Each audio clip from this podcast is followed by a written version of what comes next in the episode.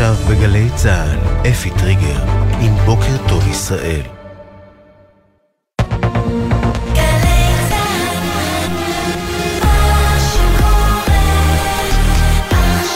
גלי צה"ל, שש בבוקר. בוקר טוב ישראל עם אפי טריגר. שלום לכם. נשיא מצרים עבד אל פתאח א-סיסי דן הלילה עם נשיא צרפת עמנואל מקרו על ההשלכות ההומניטריות הקטסטרופליות כהגדרתו של פעולה צבאית ישראלית ברפיח. השניים שוחחו על הפגיעה האפשרית בכמיליון וחצי העקורים הפלסטינים באזור. זאת לאחר הצהרת ראש הממשלה נתניהו אמש שאמר ישראל תילחם עד להשגת הניצחון המוחלט, וזה כולל גם פעולה ברפיח, נאפשר לאזרחים להתפנות לאזורים בטוחים, דברי נתניהו. בתוך כך, שר החוץ של מצרים, סמך שוקרי, טוען בריאיון לרשת PBS האמריקנית, למבצע ישראלי ברפיח יהיו השפעות קשות. It would certainly be a very dramatic turn of events that will have uh, severe repercussions on the, the crisis, on the uh, Palestinian cause, on uh, Egypt's security, and, and we will deal with it. זה בהחלט יהיה אירוע דרמטי בעל השלכות חמורות בסוגיית המשבר הפלסטיני וביטחונה של מצרים, ואנו נתמודד עם זאת. כך אה, שוקרי, בוועידת הביטחון במינכן, אמר שר החוץ של מצרים עוד, תנועת חמאס הוצאה מחוץ לקונצנזוס של רוב הציבור הפלסטיני, כיוון שהיא סירבה לנטוש את דרך האלימות. המגעים לשחרור חטופים, ראש הממשלה בנימין נתניהו דחה אמש את דרישות חמאס במשא ומתן והכריז הסכמה לדרישות אלה היא תבוסה. הדרישות של החמאס הן הזויות, משמעותן אחת, תבוסה לישראל. ברור שלא נסכים להן. אבל כשהחמאס ירד מהדרישות ההזויות הללו, נוכל להתקדם. ראש ממשלת קטאר, מוחמד ג'אסם מת'אני, אמר שנרשמה התקדמות במשא ומתן לעסקת חטופים. אתמול הצהיר בוועידת הביטחון במינכן כי הנושא ההומניטרי מהווה אתגר מרכזי בשיחות והביע אופטימיות זהירה לגבי פריצת דרך בקרוב.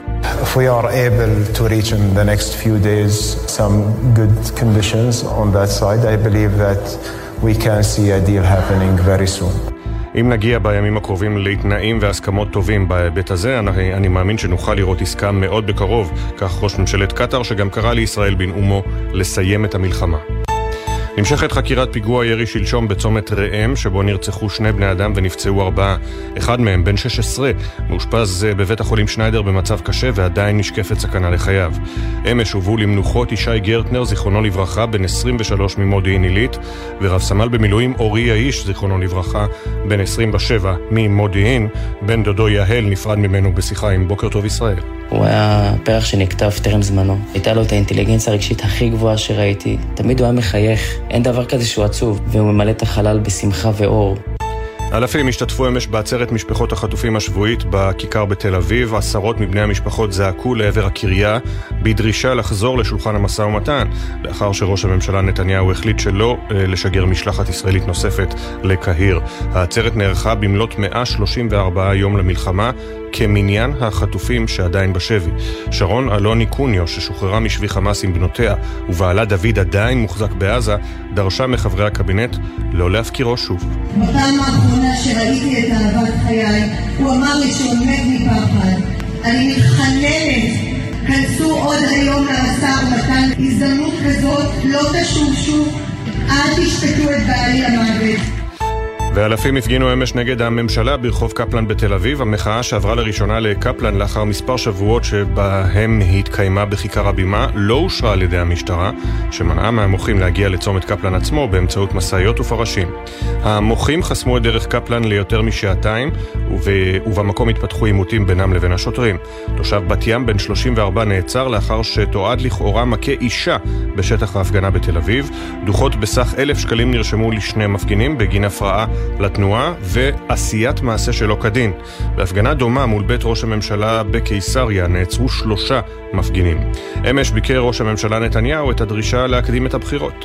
הבחירות אה, יש להן תאריך, זה עוד כמה שנים, ואני לא מציע לעסוק בזה בתוך המלחמה. אנחנו צריכים להתאחד. יש לנו עוד רבע מהכוח של החמאס לחסל ליגת העל בכדורגל, בני סכנין ניצחה אמש 2-1 את ביתר ירושלים משאר ניצחון בתוספת הזמן של המשחק. במשחק נוסף אתמול מהמחזור ה-22, הפועל באר שבע סיימה בשוויון אחת מול מכבי פתח תקווה וקטעה רצף של עשרה ניצחונות ליגה. בכדורסל, בליגת העל, הפועל חולון ניצחה 98-90 את המוליכה הפועל תל אביב, וגם הישג ישראלי באליפות אירופה בהרמת משקולות. ניקול רובנוביץ' זכתה אתמול בשלוש מדליות באליפות אירופה בבולגריה. רובנוביץ', המתחרה במשקל של 76 קילוגרם, זכתה בשתי מדליות כסף בתרגילי הדחיקה והקרב רב, ובמדליית הארד בתרגיל ההנפה. ובכך היא הצטרפה לישראלית נוספת, סיליה גולד, שזכתה ביום שישי במדליית הכסף באליפות.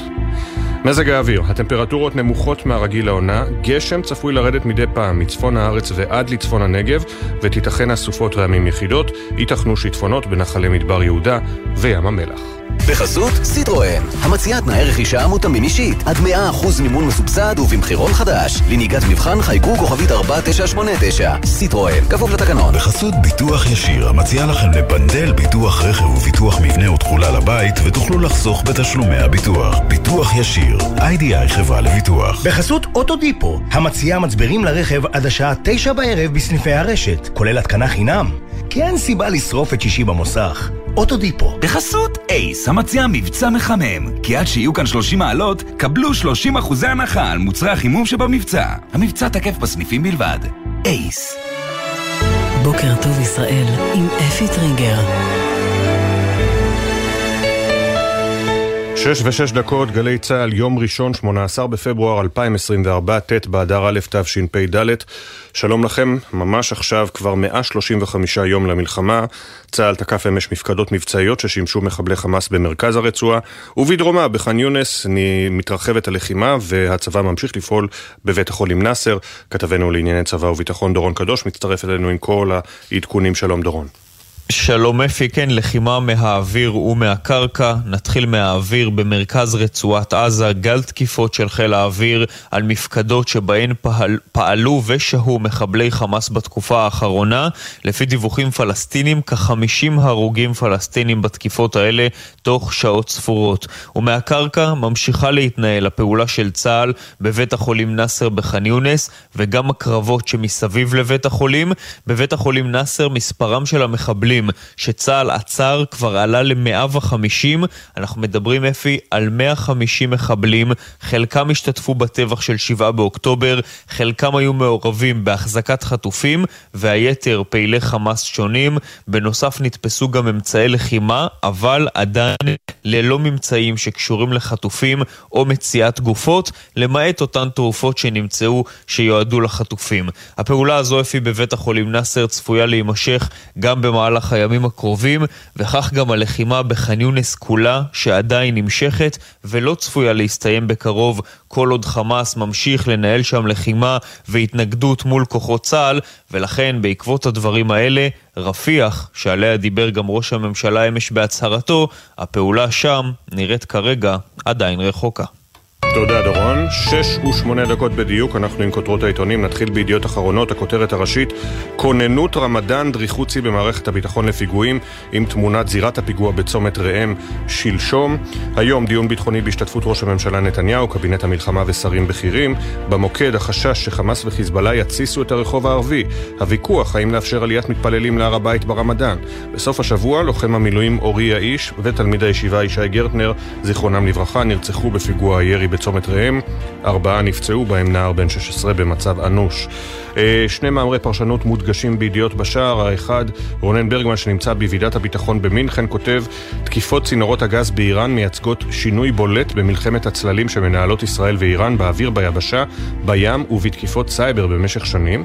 פיצוץ חלק מתשתית האנרגיה של המדינה, שעליה מבוססים תעשיות, מפעלים ומיליוני אזרחים, היא חדשה אפילו במלחמה הזו. זו ללא ספק הסלמה במלחמה החשאית בין ישראל ואיראן, שלא ברור לאן תוביל. המאמר המלא של רונן ברגמן בעמוד 6 בידיעות אחרונות.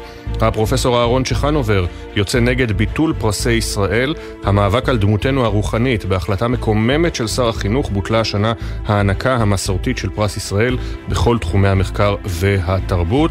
אה, אין מוצדקת, מוצדקת מאין כמוה ההחלטה להעניק פרסים בקטגוריה אחת בלבד, תקומה, גבורה אזרחית וערבות הדדית, אבל דווקא במלחמה, כותב צ'חנובר, חשוב להזכיר שוב ושוב כי הניצחון שלנו בקרב מגיע גם מתוך רצון להגן על ערכי תרבות ורוח. המאמר המלא שלו בעמוד 11. עוד בידיעות אחרונות, יום הולדת 33 בעזה. דימה וזוהר, חברי הילדות של החטוף אלכס לובנוב, יציינו לו יום הולדת בלעדיו. הם מייחלים לשחרורו לפני שאשתו מיכל תלד את בנם השני ומדברים עם יעל צ'חנובר. וגם סוף לאופוזיציה ברוסיה, חודש לפני הבחירות, המילה בחירות מופיעה במרכ... במרכאות. יריבו הגדול של פוטין, מנהיג האופוזיציה אלכסיי נבלני, מת בכלא בגיל 47. סיבת המוות לכאורה קריש דם. ביידן מאשים את פוטין במותו של נבלני. נבלני. במעריב, המשפחות זועקות, היכנסו למשא ומתן. בכיכר החטופים ציינו 134 ימים בשבי חמאס בעזה, וקראו לממשלה להשתתף בשיחות המתקיימות בקהיר. אתם גורמים עליה, גור, גוזרים עליהם מוות. גם פרננדו מרמן ולואיס הר, ששוחררו בשבוע שעבר, הצטרפו לקולות. לא כולם יחזרו בפעולות הירואיות. לקראת פיצוץ עם תמונה של השר איתמר בן גביר, השר לביטחון לאומי, מוקף אנשי משטרה ומאבטחים. עימות חזיתי בין מערכת הביטחון לבן גביר לקראת חודש רמדאן, בשל דרישת השר שלא לאפשר עלייה להר הבית לתושבי יהודה ושומרון. היום דיון מתוח בנושא אצל נתניהו, וגם תמונותיהם של הנרצחים בפיגוע בצומת ראם, ישי ואורי, זיכרונם לברכה. בהארץ, הכותרת הראשית, שניים נהרגו בפיגוע ירי בצומת ראם, חייל נהרג ברצועה. הצילום הגדול בשער של אילן אסיאג מדקות ספורות אחרי הפיגוע. לא נתאר אותו, זה צילום לא פשוט. עוד בשער, הפניה למאמרי פרשנות, עמוס הראל כותב, לנתניהו ולהניע יש כנראה זמן והסיכוי להשיג עסקה נוספת הולך וקטן. למרות ההצהרות, לא הממשלה ולא הצבא להוטים לפעול ברפיח. צבי בראל כותב, ארצות הברית ומדינות המערב לא מחכות ליום שאחרי ומקדמות הכרה במדינה פלסטינית. לישראל אין מענה למהלך הזה מלבד הצהרות חלולות. מתחת לקיפול בהארץ, מורן שריר כותב בעמוד 5, נתניהו הוא כבר לא האיש החיוור שאמר לנו ב-7 באוקטובר אנחנו במלחמה. מסיבות העיתונאים הן המסיבה שלו והוא אפילו מפנה שאלות לתקשורת. מורן שריר בעמוד 5 בהארץ, וכמובן יש מקום גם בשער.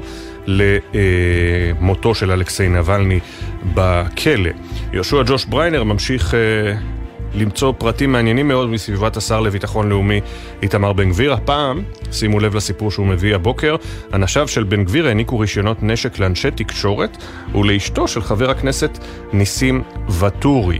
Uh, באחרונה לבקשו, לבקשתו קיבל שילה, uh, עמנואל שילה, uh, עורך העיתון בשבע, רישיון נשק. מי שחתום עליו הוא דוד בבלי, יועצו של השר בן גביר ואחד מארבעת אנשי אמונו שקיבלו הרשאות להעניק רישיונות כאלה ללא כל סמכות חוקית. ההרשאות ניטלו מהם רק לאחר שהפרשה נחשפה בהארץ, הסיפור המלא בעמוד 8. הגענו אל ישראל היום, כאן בכותרת הראשית, סיפור uh, מאת, uh, פרסום ראשון מאת אריאל כהנא, ושימו לב לזה, התוכנית לפריצת הדרך מול סעודיה. ראש הממשלה נתניהו שוקל להשלים למעשה עם ההכרה האמריקנית במדינה פלסטינית, בתמורה ליחסים היסטוריים עם ריאד. לפי המתווה, בארצות הברית יכריזו על כך באופן חד צדדי, ובישראל יתנגדו. נתניהו שוקל להשלים בפועל עם הכוונה האמריקנית להכיר במדינה פלסטינית, כך אומר לישראל היום מקור מדיני, ובלינקן אומר בסוף השבוע מדינות ערב רבות מוכנות לנרמל את הקשרים עם ישראל. מאמרי פרשנות, נדב שרגאי כותב, היוזמה של ביידן, שטחים תמורת חלום באספמיה. יואב לימור כותב, הציבור שם את המחלוקות מאחור, נתניהו לא. ונחמה דואק כותבת, הממשלה חייבת לשוב לדון בשאלת היום שאחרי. אייל לוי משוחח עם קרובי החטופים שחוששים מהוויתור על המשא ומתן בקהיר. בלי עסקה הסיפור גמור, כך אומר קובי בן עמי, אחיו של אוהד, החטוף בעזה, לאייל לוי, הכתבה המלאה בעמוד 6 בישראל היום.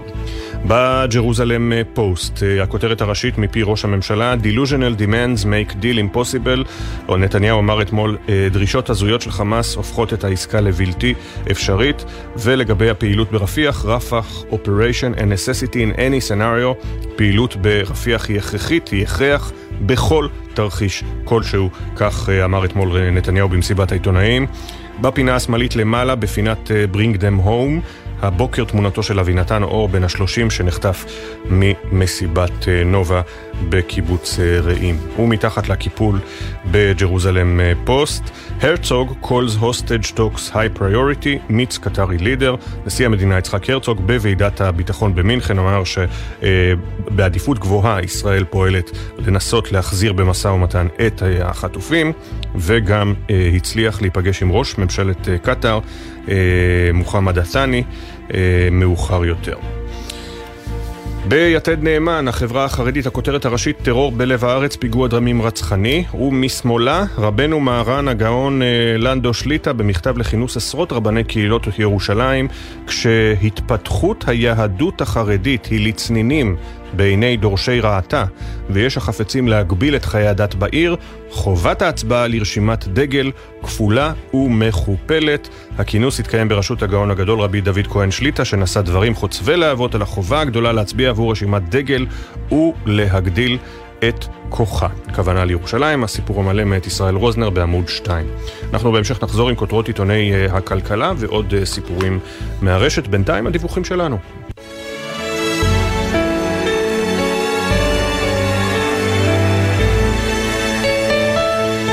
שש ורבע ועוד חצי דקה, בכל חורף עם ריבוי הגשמים גובר גם החשש לשיטפונות בנחלי הדרום.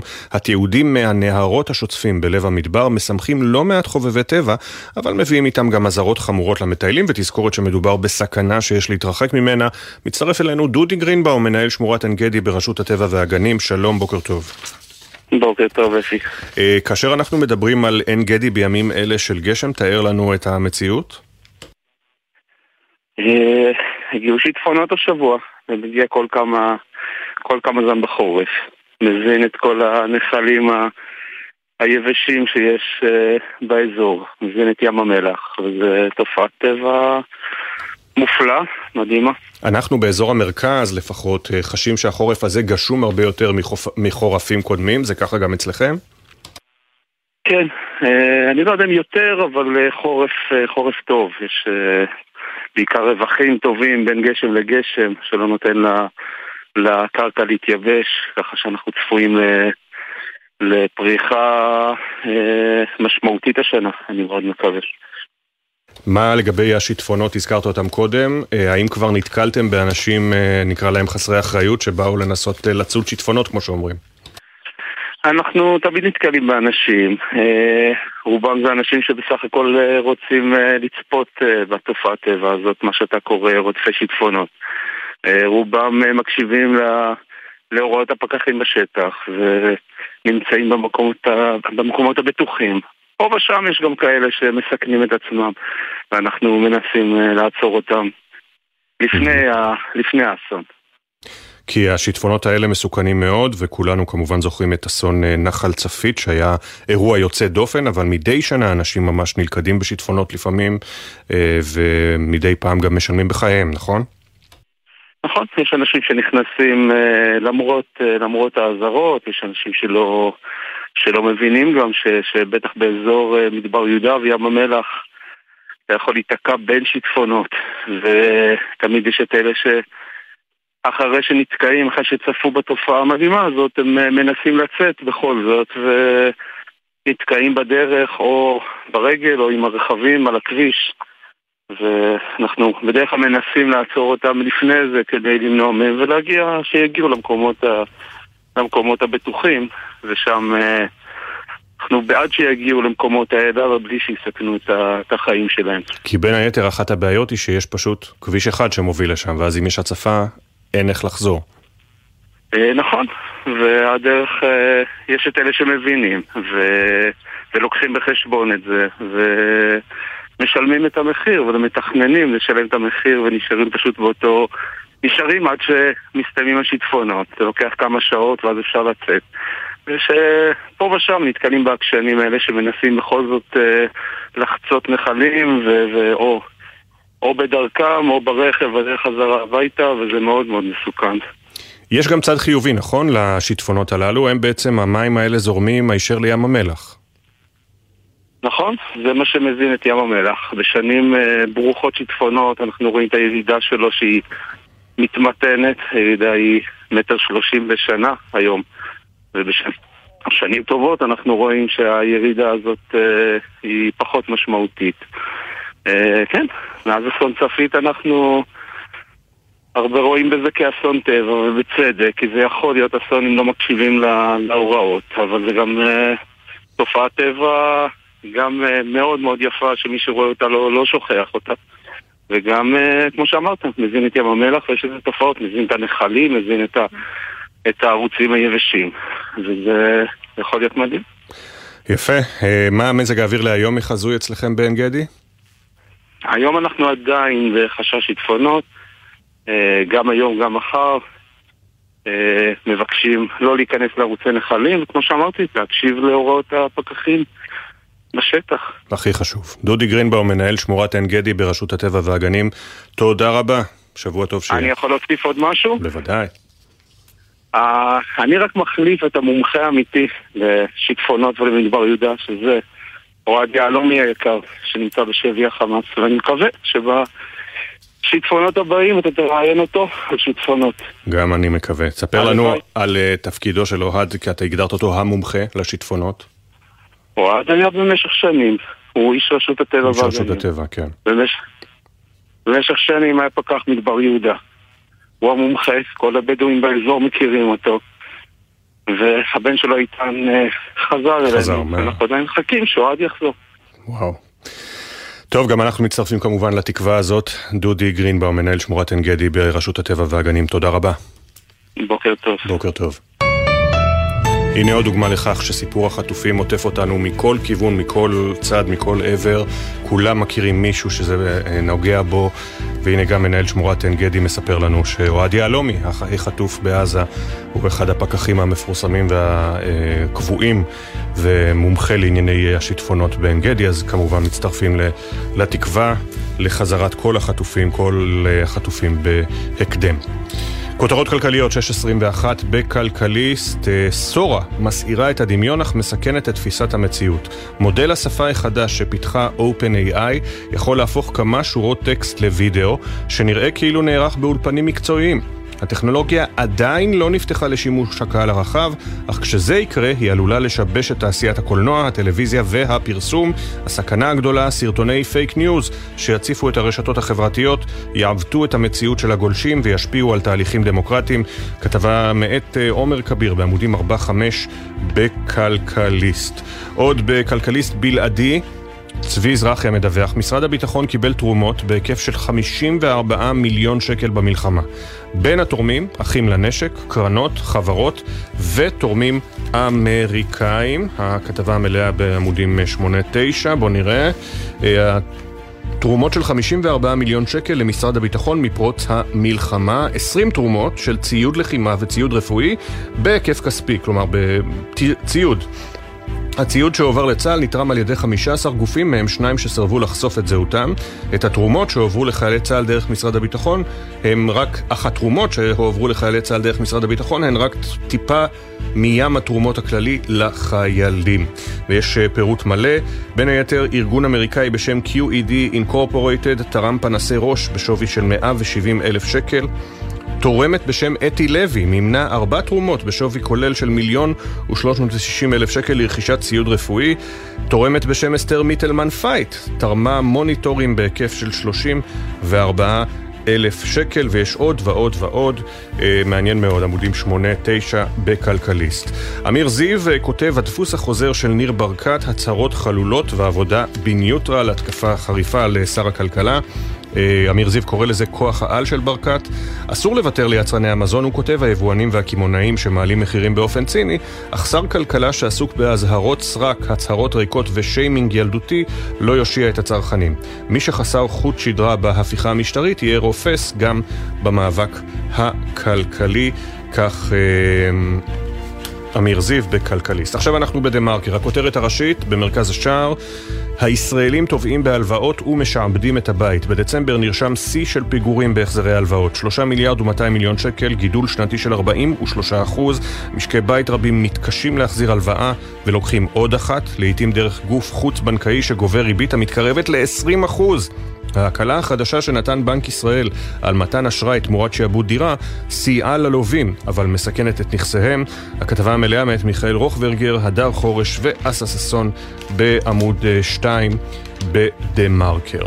עוד בדה מרקר, נתי טוקר כותב על הזינוק בתקציב הביטחון, השירותים האזרחיים ורמת החיים עלולים להיפגע ולקרב את ישראל למדינות שלא הייתה רוצה להידמות להן, זה בעמוד 4. אה, אופיר דור מספר מספרת, ידענו שזאת לא חתונה קתולית, במקום שותפות, Wiz ו SentinelOne הופכות למתחרות, זה בעמוד 14. SentinelOne החליטה באוגוסט להפסיק את הסכם המכירה המשותפת עם Wiz, והשלימה החודש את רכישת PingSafe ההודית, שמתחרה ב Wiz בתחום אבטחת הענן ב-100 מיליון דולר. סמנכ"ל לקוחות ב Sentinel אומר, ידענו שזו לא חתונה קתולית, לא חשבנו שזה ייגמר כל כך מהר, ובדה מרקר מכריזים שזו, שזה הקרב הבא בענף הסייבר, במקום שותפות, Wiz ו SentinelOne הופכות למתחרות. בואו נסתכל על השער האחורי בדה מרקר. ג'ניה וולינסקי עם זירת ההשקעות השבועית, חיסכון כשר, גם בחברה החרדית עוברים למסלולי S&P 500. טרנד ההשקעות הפסיביות מחלחל גם לחברה החרדית. את המסלולים האלה ניתן להכשיר בקלות גדולה. לפי אחד מגופי ההכשרות, לפי אחד מגופי הכשרות, חלק מהמוסדיים ביצעו שינויים במסלולי הציבור כדי להתאימם לדרישות, כאמור הפרטים המלאים בשער האחורי. בממון של ידיעות אחרונות, אה, הילה ציון מדווחת לראשונה זה עשרה חודשים, מחירי הדירות חוזרים לעלות, על פי מדד הלשכה המרכזית לסטטיסטיקה בנובמבר-דצמבר 23. הדירות התייקרו בשיעור של 7 עשיריות האחוז. העלייה השנתית הגבוהה ביותר נרשמה ברמת גן. באיזה ערים המחירים דווקא ירדו? אה, הנה הכתבה המלאה למי שרוצה לדעת, בעמודים 22-23 בממון ידיעות אחרונות. עוד... אה, מספרת לנו נבית זומר, בגלל החות'ים, דרך החתחתים שעברה הקולקציה של קסטרו בדרך לישראל, חברות האופנה הישראליות מרגישות היטב את האיום החות'י על הגעת הסחורות לישראל. בקסטרו למשל, נאלצו לאלתר, וכדי להבטיח סחורה עדכנית ללקוחות, הביאו לראשונה מחולה עם קולקציה חדשה שיוצרה בסין, במשלוח ימי עד דובאי, ומשם במשאיות דרך ירדן לגשר שייח' חוסיין, שם נפרקו המשאיות והסחורה עברה למשאיות ישראליות שהובילו אותה למחסן החברה בישראל. הפרטים המלאים בממון ידיעות אחרונות. ואנחנו בכלכלה של ישראל היום, כאן שמעון יאיש מדווח בעקבות חשיפת ישראל היום. האם מחירי הטיסות ירדו? חברות הלואו-קוסט צפויות לשלם מיסי נמל מופחתים. הכינו שוב את הדרכונים, לאחר ש Ryanair הודיע על ביטול כל הטיסות לישראל וממנה. וחזרה לטרמינל 3 בתשלום גבוה יותר, במשרד התחבורה נערכים להפוך את המגמה, המשמעות עוד חברות לואו-קוסט בדרך חזרה, כאוס בשדה, תורי ענק בהמתנה למוניות. אמ, ופרסום ראשון בישראל היום, הזמן שלנו להודות להם הנחות לאנשי מילואים וכוחות הביטחון בחופשות בחו"ל. אה, חברת התיירות, השטיח המעופף, הודיעה על מהלך של הנחה של 125 דולר למשרתי מילואים ולאנשי כוחות הביטחון ולכל בן משפחה מקרבה ראשונה שיטוס איתם. קודם כמובן צריך להשתחרר מהמילואים. Uh, הנה כמה כותרות uh, מהעולם. Uh, קודם כל, שתדעו לכם שנתן שרנסקי, אסיר ציון לשעבר, לשעבר יושב ראש הסוכנות היהודית, השר לשעבר, הוא כותב מאמר... Uh, אורח מיוחד בעמוד הדעות של וושינגטון פוסט, והכותרת The Evil Empire Collapsed, Putin's Regime Will to. אימפריית הרשע התמוטטה, גם משטרו של פוטין יתמוטט בעתיד. אה, שרנסקי כותב כמובן על מותו של אלכסיי נבלני, אה, מנהיג, ה, אה, מנהיג האופוזיציה, שבסוף השבוע דווח כי מת בכלא מקריש דם בלב, והוא מתואר, נתן שרנסקי, The Soviet Dissident and Refusnik. אה, שהוא אה, בעצם אה, לשעבר מתנגד המשטר הסובייטי, וסירובניק, refusenik, תרגמנו לסירובניק למי שהיה פה בחיים בתקופה הזאת, והמאמר הזה מאוד מאוד מעניין, הוא מופיע בוושינגטון פוסט, תכף נצייץ את הקישור למאמר. יש לנו סיפור שקשור למלחמה, נעשה את זה קצר, בעולם התקשורת הבינלאומי. סוף סוף מנכ"ל ה-BBC, טים דייווי, מודה במכתב פתוח לעובדים, מכתב ששיגר ביום שישי, היו גילויי אנטישמיות כלפי עובדינו היהודים, אה, והאנשים האלה כבר לא עובדים איתנו, אה, והוא אומר, אה, הוא כותב במכתב הזה, כל גילוי של גזענות, בין אם זה אנטישמיות, אסלאמופוביה או כל סוג של גזענות אחר, אנחנו נטפל בו בחומרה מיד כשיתגלה. כנראה מנסה לפייס את העובדים היהודים הרבים ב-BBC שמאז 7 באוקטובר חשו מצוקה לא פשוטה. יוצאים לכמה הודעות ומיד חוזרים.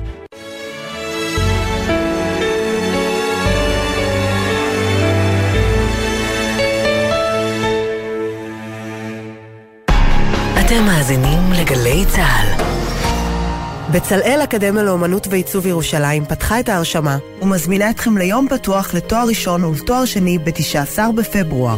אנחנו כאן למענכם, עם מעטפת תמיכה נרחבת ועם מערך תמיכה רגשי לכלל הסטודנטים והסטודנטיות. תמיד כאן, תמיד בצלאל. לפרטים נוספים חפשו יום פתוח בצלאל.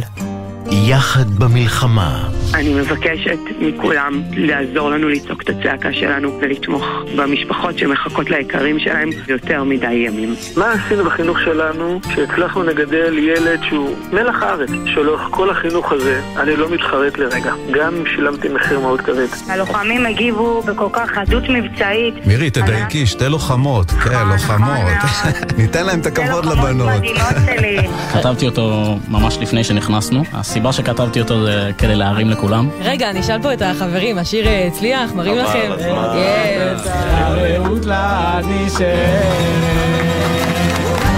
גלי צה"ל, פה איתכם, בכל מקום, בכל זמן. עכשיו בגלי צה"ל, אפי טריגר, עם בוקר טוב ישראל. 6 ו בדיוק הכותרות. נשיא מצרים עבד אל פתאח א-סיסי דן הלילה עם נשיא צרפת עמנואל מקרו על ההשלכות ההומניטריות הקטסטרופליות כהגדרתו של פעולה צבאית ישראלית ברפיח ועל הפגיעה האפשרית בכמיליון וחצי עקורים פלסטינים באזור. זאת לאחר שראש הממשלה נתניהו הצהיר אמש ישראל תילחם עד להשגת הניצחון המוחלט וזה כולל גם פעולה ברפיח. נעשה זאת, הוסיף נתניהו, רק אחרי שנאפשר לאזרחים להתפנות לאזורים בטוחים. שר החוץ של מצרים, סמך שוקרי, טען הלילה בריאיון לרשת PBS האמריקנית למבצע ישראלי ברפיח יהיו השפעות קשות. It would certainly be a very dramatic turn of events that will have uh, severe repercussions on the, the crisis, on the uh, Palestinian cause, on uh, Egypt's security, and, and we will deal with it. זה בהחלט תהיה הסלמה מסוכנת ודרמטית עם השלכות חמורות בסוגיית המשבר הפלסטיני וביטחונה של מצרים, ואנחנו נתמודד עם זה, כך שוקרי. עוד הוא הוסיף בוועידת הביטחון במינכן, תנועת חמאס הוצאה מחוץ לקונסנזוס של רוב הציבור הפלסטיני, כיוון שסירבה לנטוש את דרך האלימות. המגעים לשחרור חטופים, ראש הממשלה בנימין נתניהו דחה אמש שוב את דרישות חמאס במשא ומתן. הדרישות של החמאס הן הזויות, משמעותן אחת, תבוסה לישראל. ברור שלא נסכים להם. אבל כשהחמאס ירד מהדרישות ההזויות הללו, נוכל להתקדם. ראש ממשלת קטאר, מוחמד ג'אסם מת'אני, דווקא אמר שנרשמה התקדמות במשא ומתן בקהיר. אתמול הצהיר בוועידת הביטחון במינכן כי הנושא ההומניטרי מהווה אתגר מרכזי בשיחות, והביע אופטימיות זהירה לגבי פריצת דרך בקרוב. נמשכת חקירת פיגוע ירי שלשום בצומת ראם סמוך לגדרה, שבו נרצחו שני בני אדם ונפצעו ארבעה. אחד מהם, בן 16, מאושפז בבית החולים שניידר במצב קשה ועדיין נשקפת סכנה לחייו. אמש הובאו למנוחת עולמים ישי גרטנר, בן 23 ממודיעין עילית, ורב סמל במילואים אורי יאיש, בן 27 ממודיעין, זיכרונם לברכה. בן דודו של אורי יהל נפרד ממנו בשיחה עם בוקר טוב ישראל. הוא היה פרח שנכתב טרם זמנו. הייתה לו את האינטליגנציה הרגשית הכי גבוהה שראיתי. תמיד הוא היה מחייך. אין דבר כזה שהוא עצוב, והוא ממלא את החלל בשמחה ואור. יש לנו כבר עדכוני תנועה לנהגים מאולפן גלגלצ, ארבעה כאלה. בכביש 6 דרומה יש עומס תנועה לסירוגין ממנהרות נילי עד אייל. כביש החוף דרומה עמוס מאור עקיבא עד קיסריה וממחלף נתניה עד פולג. כביש 65 עמוס מצומת מי עמי לכיוון מחלף עירון. באזורים רבים בארץ, שימו לב, שורר ערפל כבד והרעות לקויה. סעו בזהירות. מזג האוויר, הטמפרטורות נמוכות מהרגיל לעונה, גשם יוסיף לרדת מדי פעם מצפון הארץ עד לצפון הנגב ותיתכן אסופות רעמים יחידות, ייתכנו שיטפונות בנחלי מדבר יהודה וים המלח. 633. במשך יותר מ-70 שנה נערך פרס ישראל באותה המתכונת. בכל מוצאי יום העצמאות מוענק הפרס לזוכים הנבחרים בתחומים קבועים, במטרה להדגיש את הקשר בין עצמאות המדינה לבין עצמאות הרוח בה. אבל השנה, בצל המלחמה, החליט שר החינוך יואב קיש לבטל את כל הקטגוריות המוכרות, למשל מדעי הרוח, טכנולוגיה, תרבות, חקר המקרא, ולהסב אותן לנושאים הממלאים את חיינו כעת, גילויי גבורה וערבות הדדית. ההחלטה הזו גררה לא מעט ביקורת. מצטרפת אלינו הדוקטור אה, אור ברק, מומחית להוקרה ממלכתית, ומחבר את הספר פרס ישראל, הפוליטיקה שמאחורי התהילה. שלום לך, בוקר טוב. בוקר טוב אפי לך ולמדתי. קודם כל, דוקטור אור ברק, מה זה אומר מומחית להוקרה ממלכתית?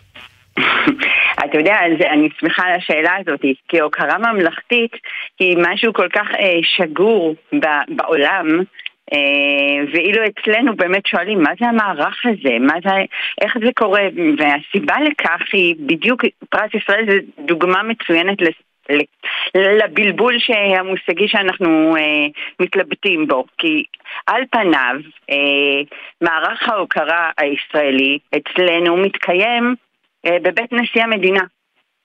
ששם ההוקרה שמוענקת לאזרחים היא רחוקה מהפוליטיקה, או מורחקת עד כמה שניתן מהפוליטיקה. ובעצם כשאנחנו לוקחים את הפרס הלאומי שלנו, הפרס היוקרתי ביותר שמדינת ישראל מעניקה לאזרחיה, כמו שאמרת נכון בפתיח שלך, מזה 70 שנה, שבעה עשורים ברציפות, אה, תחת משרד ממשלתי, תחת משרד החינוך, שהתחיל, אני מזכירה, בשנות החמישים והשישים כמשרד החינוך והספורט והתרבות, אנחנו מקרבים אותו מאוד לאינטרסים פוליטיים.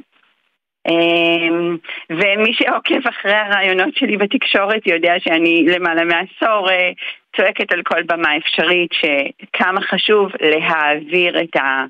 את כל הפרס הזה, את הפרס הלאומי שלנו למשכן, למשכן בית הנשיא בשביל באמת להרחיק אותו כמה שאפשר מנגיעות פוליטיות. כי היו לנו בשנים האחרונות באמת הרבה מאוד מקרים של אה, שרי חינוך בעבר שלא רצו להעניק את הפרס לאדם אה, בשל דעותיו הפוליטיות. ראינו את זה עם אה, השרה יפעת שאשא ביטון, אה, שרת החינוך שהייתה, וגם נכון. אה, השר גלנט כשהיה שר חינוך, אה, ופה נכנסת בעצם הפוליטיקה. אבל אה, את חושבת שגם מאחורי התקומה וגבורה, ההגדרה היפה הזאת, גם יהיה עניין פוליטי? אני חושבת שההגדרה הזאת יפה מאוד, רק לא תואמת את uh, פרס, עושה עוול לפרס ישראל, כי אתה יודע, כשאנחנו שואלים את עצמנו מה זה תקומה ומה זה גבורה, אז הדבר הראשון שעולה לי בראש, אפי, זה איך אנחנו בעצם מגדירים את uh, אה, 800 כלות וחתני פרס ישראל לדורותיהם. שהוסיפו פה קומות מדעיות וטיפחו מפעלי חינוך ותרבות תוצרת כחול לבן, מה שנקרא נכון. מה זה? אה, אם לא לגלם הלכה למעשה אה, פנים רבות בתקומה הישראלית. זאת לא תקומה? מה זה, אז איפה זה שם את כל ה-800 פרסים, ש... או כן, קצת יותר מ-800 אה, פרסים שכבר חילקנו בקטגוריות הזכייה שלנו של מדע ומחקר? זאת לא תקומה? הרי הפרס הזה מלכתחילה מקומו כמו שציינת, בצאת יום העצמאות כחלק מחגורת טקסי הלאום הממלכתי של מדינת ישראל. איך אפשר להגדיר אותם אחרת אם לא תקומה? Mm-hmm. לבוא היום ולומר אה, פרס ישראל השנה יחולק בתקומה, מה זה אומר לגבי 70 אה, השנים הקודמות? וזה מדהים שגם זו פשוט החלטה ששר החינוך יכול לקבל פשוט בהינף יד, בסמכותו, לבטל את הטקס המסורתי הזה. אז, אז אתה יודע מה, זה, אז זאת שאלה מאוד גדולה, מה שציינת עכשיו, האם זה בסמכותו, אפי, לבטל בהינף יד את, ה, את המתכונת המסורתית הזאת ולהמיר אותה במתכונת אחרת. ואתה יודע שזה גם... אה, אה, מספר הפניות מכלות וחתני פרס ישראל ומשופטי ועדות פרס לשעבר שאני קיבלתי מאז אה, שלשום או יום לפני שלשום בעצם א', זה משקף בעיניי באמת את גודל הסערה הציבורית שהתעוררה פה סביב הדבר הזה, במיוחד במיוחד בימים אלה ש... שחוץ מהסערה הגדולה שאנחנו ככה חיים בה כולנו מזה ארבעה חודשים, אני מתקשה למצוא סערות נוספות. אבל אני, אני אנצל את הפלטפורמה שלך הבוקר בשביל לספר לך דווקא איזשהו סקופ חדשותי בעניין הזה. Mm-hmm. כי אני קיבלתי כל כך הרבה פניות בעצם של אנשים שאומרים לי, מה אפשר לעשות? זה חוקי? זה מותר לשר החינוך לעשות דבר כזה? מה עושים? מה נעשה? איך אפשר לשנות את זה? ואני ככה מתלבטת עם האנשים, באמת רובם רמי דרג, ואני אומרת תקשיבו, מה זה מה אפשר לנסות? תכל'ס, אי אפשר לעשות כלום. מה, אפשר להגיש בג"ץ, אבל מי יגיש היום בג"ץ בעניין? אני, אתה, מי, מי ילך ויעשה את זה? ואז בסוף השבוע האחרון אני מקבלת טלפון מעורך דין שחר בן מאיר, שהוא מגיש עתירות ציבוריות אה, כן. מפורסם, נכון, ידוע. ש... שאמר לי הוא... שהוא מרים את הכפפה, אפי, ואני, אני, הנה אני מבשרת לך שברגעים אלו ממש אה, מוגש מכתב לשר החינוך כהתראה וכמיצוי הליכים באמת טרם הגשת עתירה, שמשהו כזה כנראה פורמלי משפטי mm. שמחויב כדי להראות שניסה לעשות הכל לפני שפנה לסעד של בג"ץ. בדיוק, אוקיי, הגדרת מעולה. באמת, אחרי שהוא ניסח את כל הטענות המשפטיות, שבעצם א', אה, אה, אה, פוסקות שבאמת לשר החינוך אין סמכות לעשות את זה, וב' מפרטות מאוד יפה מה המשמעויות של צעד כזה, ש, שאני כן. אצרף את התרומה הפרטית שלי, אז, אז אני, אני תמיד אה, נוהגת להסביר בהרצאות שלי, ששואלים אותי מה המשמעות הזאת הכי גדולה כל כך של פרס ישראל, אז מעבר לעובדה, כן, שזה באמת הפרס הכי יוקרתי שמדינת ישראל מעניקה לאזרחיה, זה פרס שמוכר אה, בארץ ובעולם, אה, זה חלון הראווה גם הלאומי וגם הבינלאומי שלנו. אבל מעבר לזה, תמיד כשאנחנו מדברים על, על מושגים כמו אומה, ואנחנו יודעים איך היא מתעצבת, בעצם לא רק על ידי איזשהו בסיס טריטוריאלי ושפה ומנגנון ממסדי, אלא גם, ואולי בעיקר, סביב ציר של מסורות, כמו שמגדיר את זה פרופסור יהושע גתי. אז בעצם אנחנו אומרים, מהו פרס ישראל אם לא מסורת שהתקבע כחלק בלתי נפרד מתהליכי בינוי האומה הישראלית. כן, יש עוד עניין, לא נעים להגיד אותו, אבל הוא עניין חשוב. אם אכן מבוטל הטקס השנה מהבחינה הזו של אה, כל הקטגוריות, אז זה אומר שהאנשים, הרי אנשים מקבלים את פרס אה, ישראל על מחקרים ועל תרומות לאורך מפעל חיים שלם שלהם, או לאורך תקופת חיים. ואז עלולים אנשים שאמורים היו מבחינה, כל מבחינה, מכל בחינה אמפירית ואובייקטיבית לקבל הוקרה השנה, לא להיות איתנו למשל בשנה הבאה אם הפרס יחזור. ברור, א', חד משמעית. ב', אתה יודע, זה לא, קודם כל זה לא עובד ככה, יש איזשהו סבב מאוד סדור של קטגוריות. השאלה הבאה היא כבר היא לשאול מה יהיה עם הסבב של שנה הבאה, שה... שה מועמדים שלו כבר מתחממים על הקווים, כן?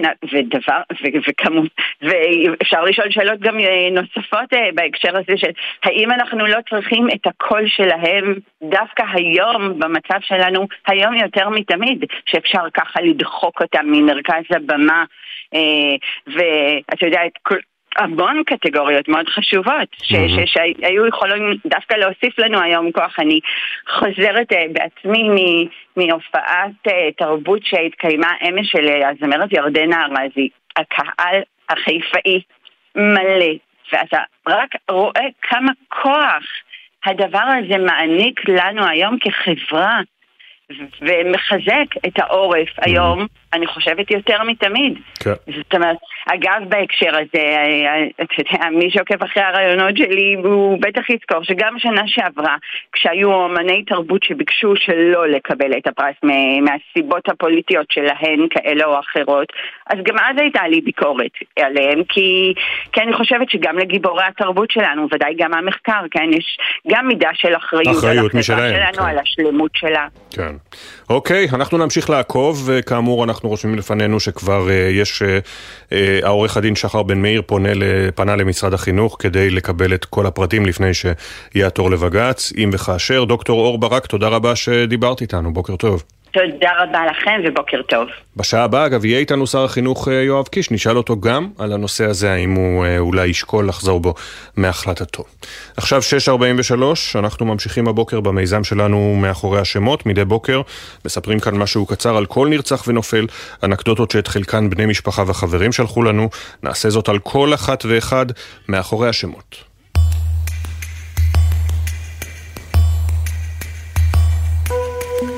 רב סמל מתקדם במילואים דניאל קסאו זגיה, בן 38 מיוקנעם עילית, היה לוחם בגדוד 8208 שבחטיבה 261, נפל בקרבות בדרום רצועת עזה.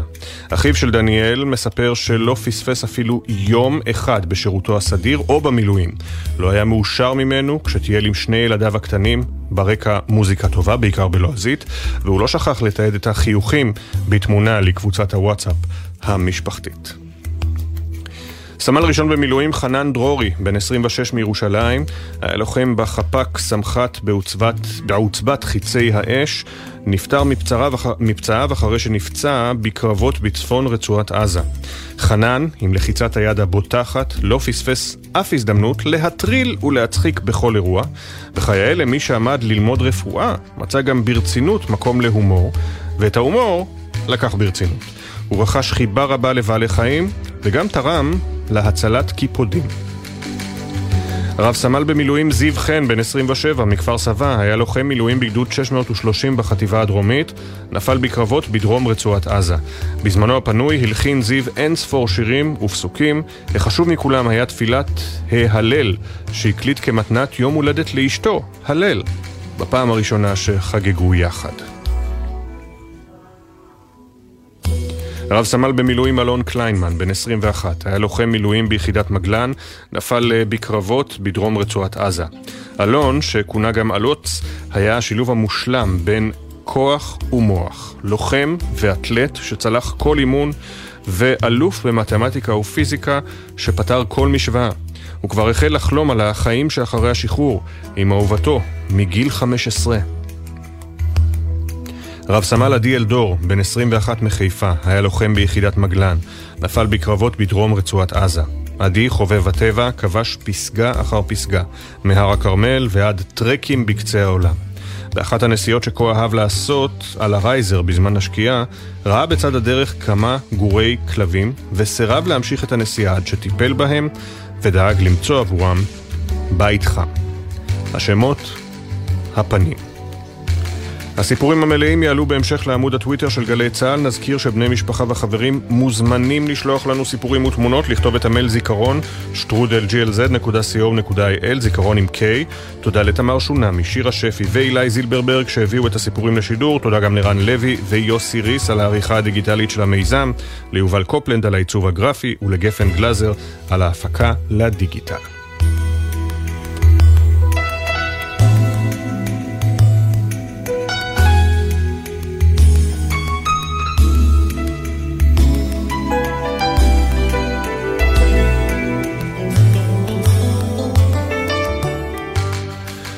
פינת הפרשנים שלנו הבוקר אה, לקראת רמדאן ועליית המוסלמים להר אה, הבית. אה, הנושא עולה כמובן היום לדיון שכבר מוגדר מתוח אצל ראש הממשלה עוד לפני שכונס בשל הדרישה החד משמעית של איתמר בן גביר לא לאפשר לפלסטינים מיהודה ושומרון לעלות להר הבית ולא לאפשר, וכמעט לא לאפשר גם לערביי ישראל אלא מגיל מסוים.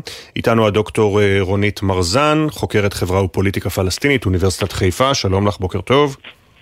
בוקר טוב. ואילן לוטן, לשעבר בכיר בשירות הביטחון הכללי, שלום לך, בוקר טוב. בוקר טוב. אילן לוטן, אה, כאשר אנחנו מדברים על אה, רמדאן אחרי השבעה באוקטובר, אולי יש משהו במה שהשר בן גביר אומר, אולי נניח ל, ל, לרגע בצד את הטענות שהוא מנסה להדליק את הגדה, את, אה, את ערביי ישראל, ל, לייצר פה עוד קצת, עוד קצת מתיחות ביטחונית, ואולי באמת אחרי שבעה באוקטובר לא צריך לתת פרס לפחות לערבים ביהודה, לפלסטינים ביהודה ושומרון. תראה, ראשית הייתי מחלק את זה לשניים, לא הייתי באותה קטגוריה, לא אזרחי ישראל הערבים לעומת uh, הפלסטינים. אני מזכיר שהחמאס למתקפה הרצחנית ב-7 לאוקטובר קרא מבול אל-אקצא. ואם נלך אחורה לשומר חומות, אז החמאס uh, מנסה למצב את עצמו כמגיני אל-אקצא למול כל העולם המוסלמי.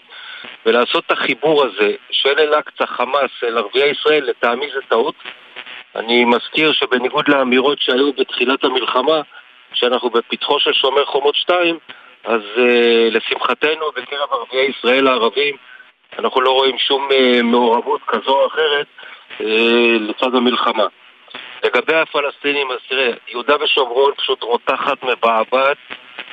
רק בחודש ינואר אנחנו מדברים על 150 סיכולי פיגועים משמעותיים ואני לא חושב שצריך להוסיף שמן למדורה בחודש שגם ככה בשנים רגילות, אם אפשר להגיד משהו רגיל במדינת ישראל, זה חודש רגיש, אז להוסיף אה, גם שמן למדורה בהיבטי הר הבית. Mm-hmm. נכון, להגביל, להגביל את אה, גיל הנכנסים מיהודה אה, ושומרון, זה בהחלט לטעמי צעד ראוי.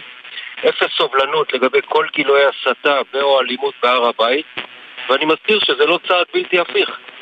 פעם אפשרת להיכנס להר הבית, החלו לעשות בעיות מהומות, אתה יכול תמיד לסגור. כן, הדוקטור רונית מרזן כאמור גם איתנו, חודש הרמדאן, כל שנה אומרים לנו חודש רגיש, בואי ננסה להבין למה.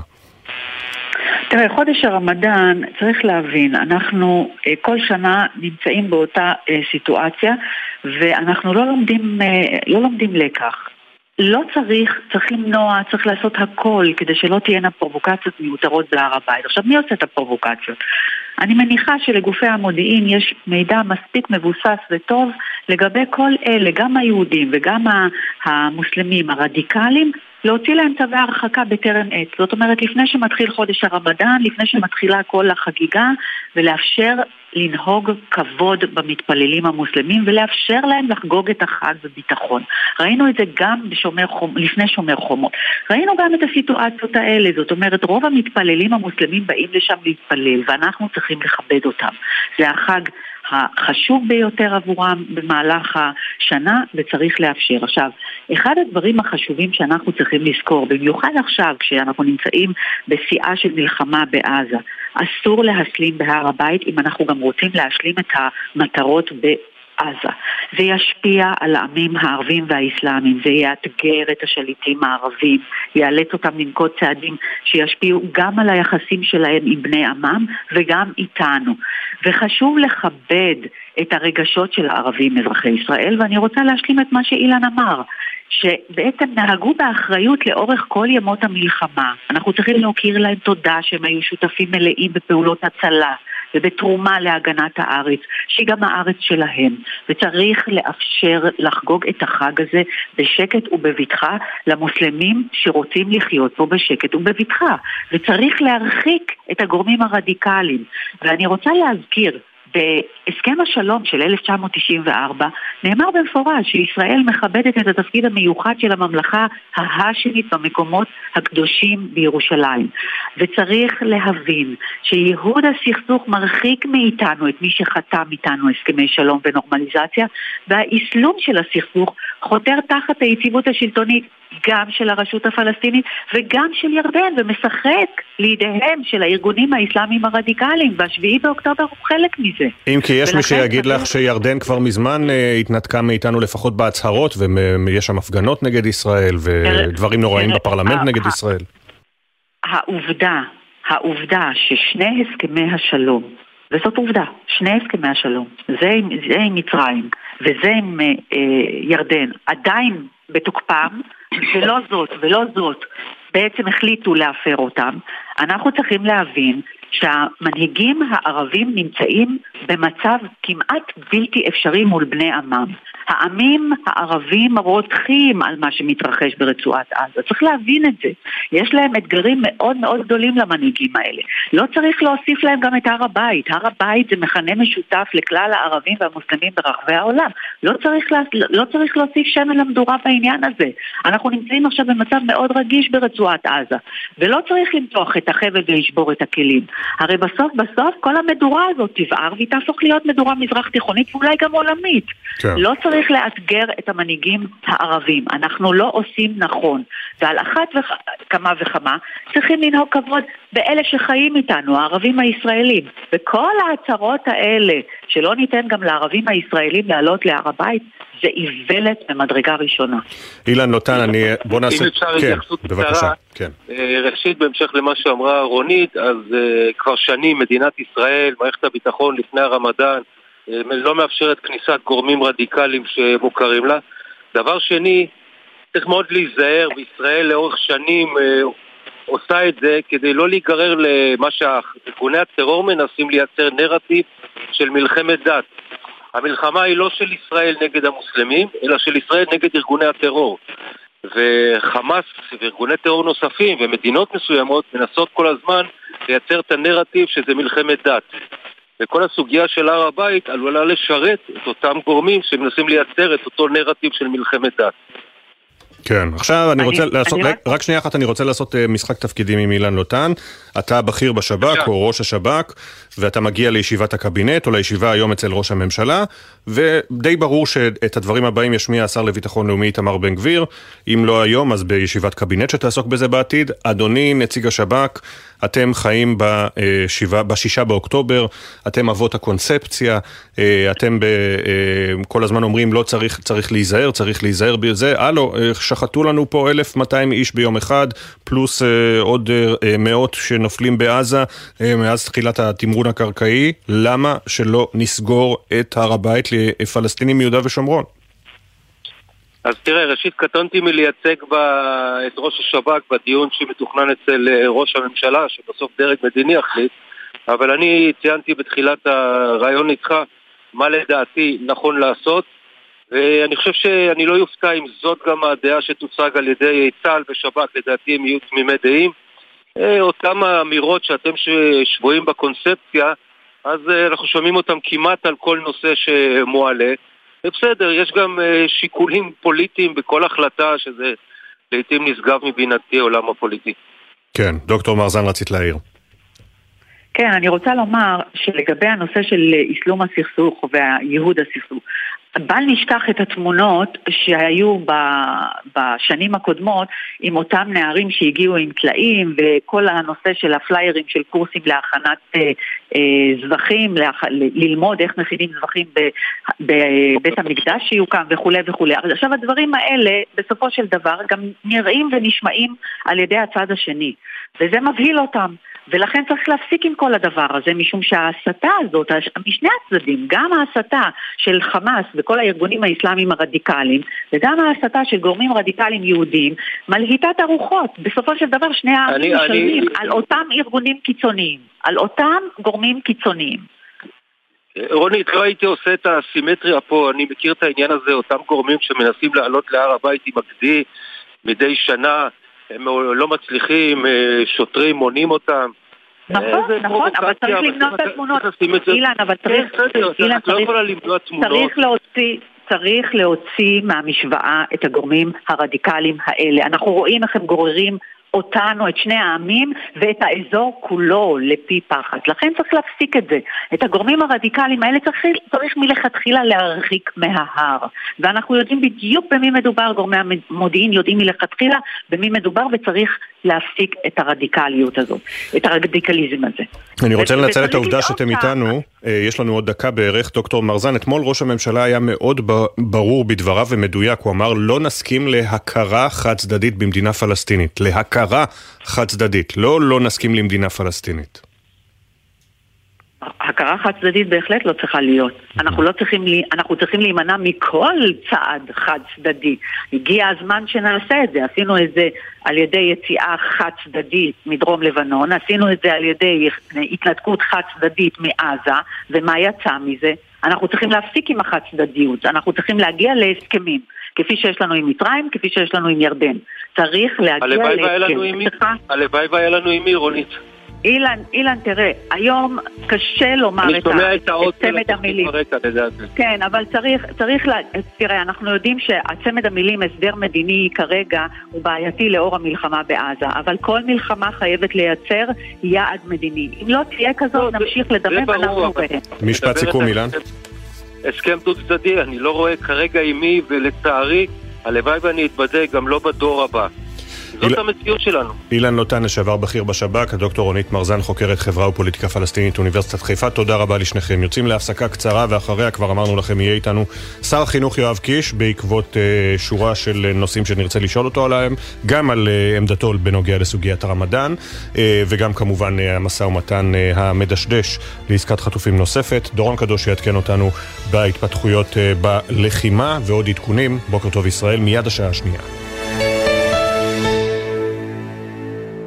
בחסות iDigital, המציעה עסקת המרה trade in על מחשבי מק. מחזירים את המק הקודם ומקבלים עד 2,700 שקלים לרכישת מק חדש. איי-דיגיטל, כפוף לתקנון. בחסות פרמטון, מולטי ויטמין שוויצרי המכיל שילוב ויטמינים ומינרלים המסייע בשמירה על החיוניות. פרמטון, כי במיוחד עכשיו כולנו צריכים חיזוק. בחסות ביטוח ישיר, המציע לכם לבנדל ביטוח רכב וביטוח מבנה ותכולה לבית, ותוכלו לחסוך בתשלומי הביטוח. ביטוח ישיר, איי-די-איי חברה לביטוח. בחסות אייס, המציע מבצע מחמם. כי עד שיהיו כאן 30 מעלות, קבלו 30 אחוזי הנחה על מוצרי החימום שבמבצע. המבצע תקף בסניפים בלבד.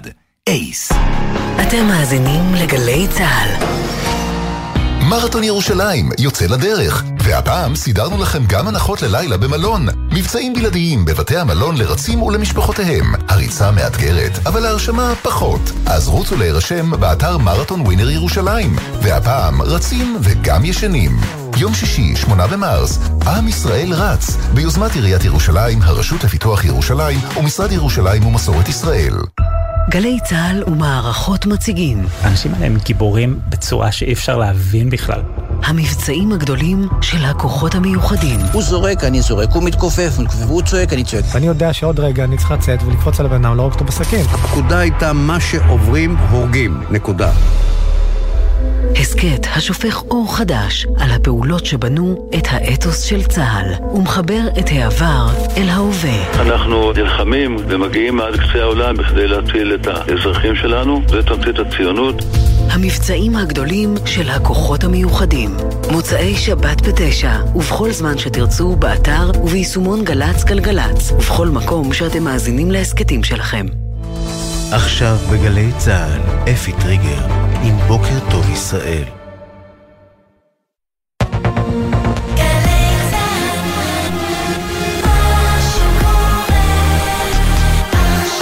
שבע בגלי צה"ל. המנהיגים מתבצרים במקום. הדרישות של החמאס הן הזויות, ברור שלא נסכים להן. והמשפחות זועקות. כנסו עוד היום למשא ומתן בקהיר. הזדמנות כזאת לא תשוב שוב. נשמע כיצד עומד, היכן עומד המשא ומתן כרגע ועל המשך הלחימה ונשוחח עם השר יואב קיש מהליכוד. עולים צפונה, לוחמי ומפקדי גדוד 51 של גולני שאיבד 32 לוחמים ב-7 באוקטובר ובעזה, מתכוננים לאתגר הבא מול חיזבאללה. האזרחים שלנו לא נמצאים בבתים שלהם, ובגלל שזה המצב, אז נעשה כל מה שיידרש. ומדברים על רוח הלוחמים שנפלו, שהולכת איתם לכל מקום. הרוח שלהם איתנו ומרימה אותנו, זה לכל החיים. זה היה ביתה. פה הבית שלי קבור. בוכה על הבית, אני בוכה על החיים שהיו לי, אני בוכה על הקיבוץ שהיה לי. רגע לפני שהטרקטורים עולים על הבית ההרוס של תמר בן צבי בבארי, היא הגיעה אליו עם כתבתנו יובל מילר, והפעם לאסוף את מה שנשאר ולהיפרד. וואו, תקשיב, זו התעודה של אבא שלי. אה, זו התעודת פטירה שלו. הם עוד לא באים עם השופלים? וגם גיבור בסרט ובמציאות. I was just completely shocked. I'm angry, I'm sad. הבמאי שתיעד בסרט זוכה האוסקר את מנהיג האופוזיציה ברוסיה אלכסיי נבלני נפרד מהגיבור שהפך לחבר קרוב וכבר מביט לעתיד. It is up to his staff to continue fighting for democracy. כתבת חדשות החוץ איה אילון שוחחה איתו. בוקר טוב ישראל. בוקר טוב ישראל עם אפי טריגר. שלום לכם. דיון ביטחוני מיוחד בהשתתפות ראש הממשלה נתניהו ייערך היום בנוגע להגבלת עליית מוסלמים להר הבית בחודש רמדאן. ראש הממשלה דורש כי הדיון יתקיים בפורום מצומצם, בעוד השר בן גביר דורש כי הדיון יתקיים בקבינט המדיני-ביטחוני. עוד דורש בן גביר לצמצם למינימום את עליית המוסלמים להר בחג, להגביל עליית ערבים אזרחי ישראל מגיל 70 ומעלה, ואיסור מוחלט על עליית פלסטינים תושבי יהודה ושומרון. בשב"כ ובמוסד מתריעים כי החלטות שכאלה יתסיסו את השטח. בתוך כך נמשכת חקירת פיגוע הירי שלשום בצומת ראם, שבו נרצחו שניים ונפצעו ארבעה. אחד מהם, בן 16, מאושפז בבית החולים שניידר במצב קשה, ועדיין נשקפת סכנה לחייו. אמש הובאו למנוחות ישי גרטנר, זיכרונו לברכה, בן 23 ממודיעין עילית, ורב סמל במילואים אורי יאיש, זיכרונו לברכה, בן 27 ממודיעין, שנרצחו בפיגוע. בן דודו יהל נפרד ממנו בשיחה עם בוקר טוב ישראל. הוא היה פרח שנכתב טרם זמנו. הייתה לו את האינטליגנציה הרגשית הכי גבוהה. תמיד הוא היה מחייך, אין דבר כזה שהוא עצוב, והוא ממלא את החלל בשמחה ואור. נשיא מצרים עבדל פתאח א-סיסי נועד הלילה עם נשיא צרפת עמנואל מקרון, השניים דנו על ההשלכות ההומניטריות הקטסטרופליות כהגדרת א-סיסי של פעולה צבאית ישראלית ברפיח ועל הפגיעה האפשרית בכמיליון וחצי העקורים הפלסטינים באזור.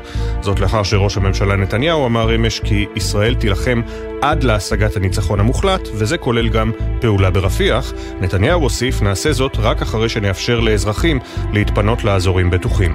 שר החוץ של מצרים, סמך שוקרי, הזהיר בריאיון לרשת PBS האמריקנית, למבצע ישראלי ברפיח יהיו השפעות קשות. It would certainly be a very dramatic turn of events that will have uh, severe repercussions on the, the crisis, on the uh, Palestinian cause, on uh, Egypt's security, and, and we will deal with it.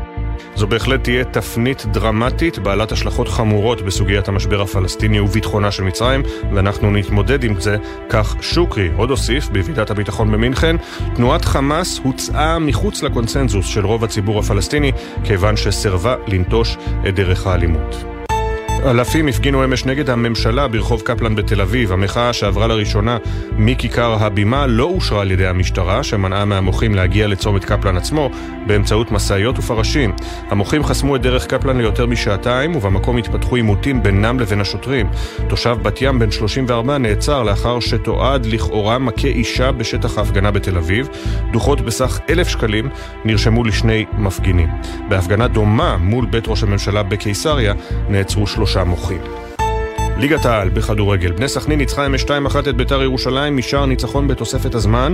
במשחק נוסף אתמול, הפועל באר שבע אה, סיימה את רצף עשרת הניצחונות שנפרדה בתיקו אחת עם מכבי פתח תקווה. בליגת העל בכדורסל, הפועל חולון ניצחה 98-90 את המוליכה, הפועל תל אביב.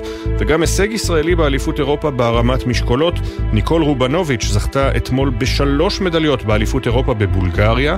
רובנוביץ', המתחרה במשקל של 76 קילוגרם, זכתה בשתי מדליות כסף בתרגילי הדחיקה והקרב רב, ובמדליית הארד בתרגיל ההנפה. ובכך הצטרפה לישראלית נוספת, סיליה גולד, שזכתה ביום שישי במדליית הכסף באליפות. עכשיו העדכונים מגלגלצ.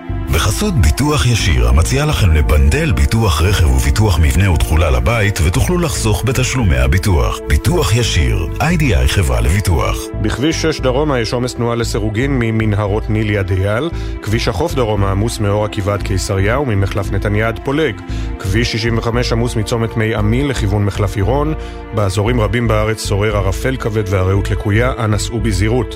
מזג האוויר עדיין קר מהרגיל לעונה, גשם צפוי לרדת מדי פעם מצפון הארץ ועד לצפון הנגב, ותיתכן אסופות רעמים יחידות, ייתכנו שיטפונות בנחלי מדבר יהודה וים המלח. בוקר טוב ישראל עם אפי טריגר.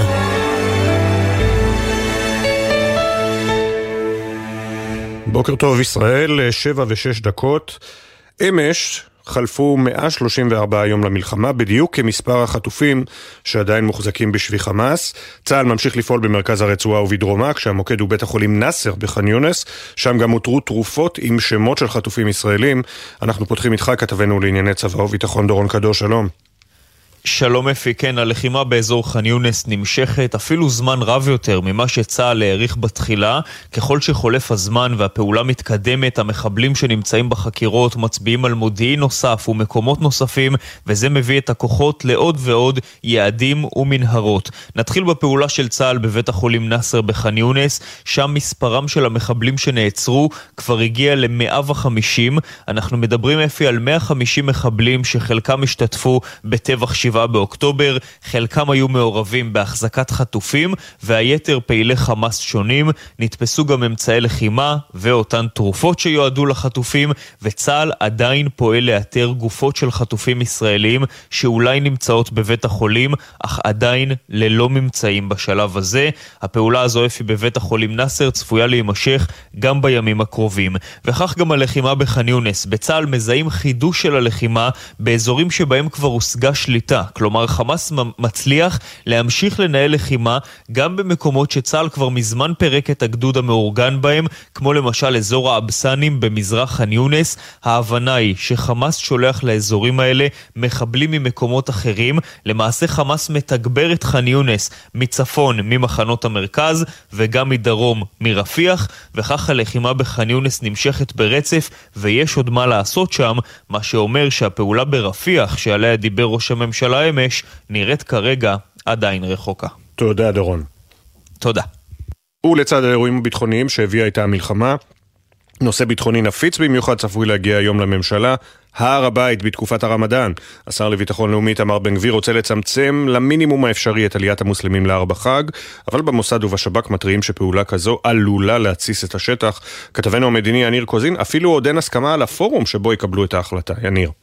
שלום אפי, ממש כך, וזה אחד הנושאים אולי הנפיצים ביותר באזור, בכלל בימים כתיקונם, ביתר, סט, אה, ב, ביתר סט כמובן, אה, בתקופת המלחמה. אז על מה אנחנו מדברים בעצם? זה דיון שמגיע לממשלה קצת פחות מחודש לפני שמתחיל אה, חודש הרמדאן, בשאלה מי יכול לעלות להר הבית, כאשר כפי שציינת, העמדה של השר לביטחון לאומי איתמר בן גביר, היא זה שצריך להגביל למינימום את עליית המוסלמים להר הבית. בכל מה שקשור לפלסטינים הגרים ביהודה ושומרון, בן גביר אומר לא צריך להכניס אף לא אחד מהם. המשטרה מדברת על כך שילדים עד גיל 10 יורשו להיכנס, וגברים מעל גיל 60.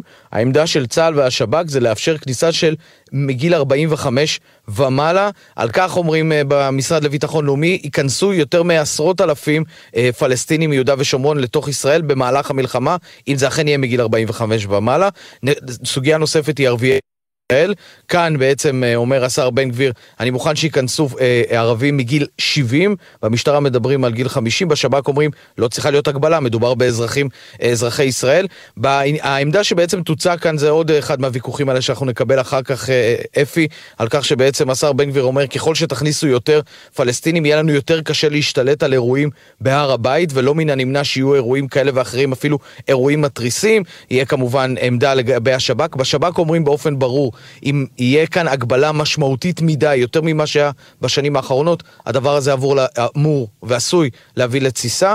ולגבי הפורום שאמרת, ראש הממשלה רוצה שההחלטה תתקבל בפורום חדש, אה, שמונה את האנשים הבאים, נתניהו, בני גנץ, גדי איזנקוט, אריה דרעי, איתמר בן גביר, יריב לוין, דרמר וישראל כץ. במבנה כזה די ברור לך, אפי, סביר להניח שעמדת ראש הממשלה תתקבל. על כך השר בן גביר לא מוכן, רוצה להביא את העניין לקבינט המדיני-ביטחוני. גם זה כנראה ידברו עליו היום בישיבת הממשלה.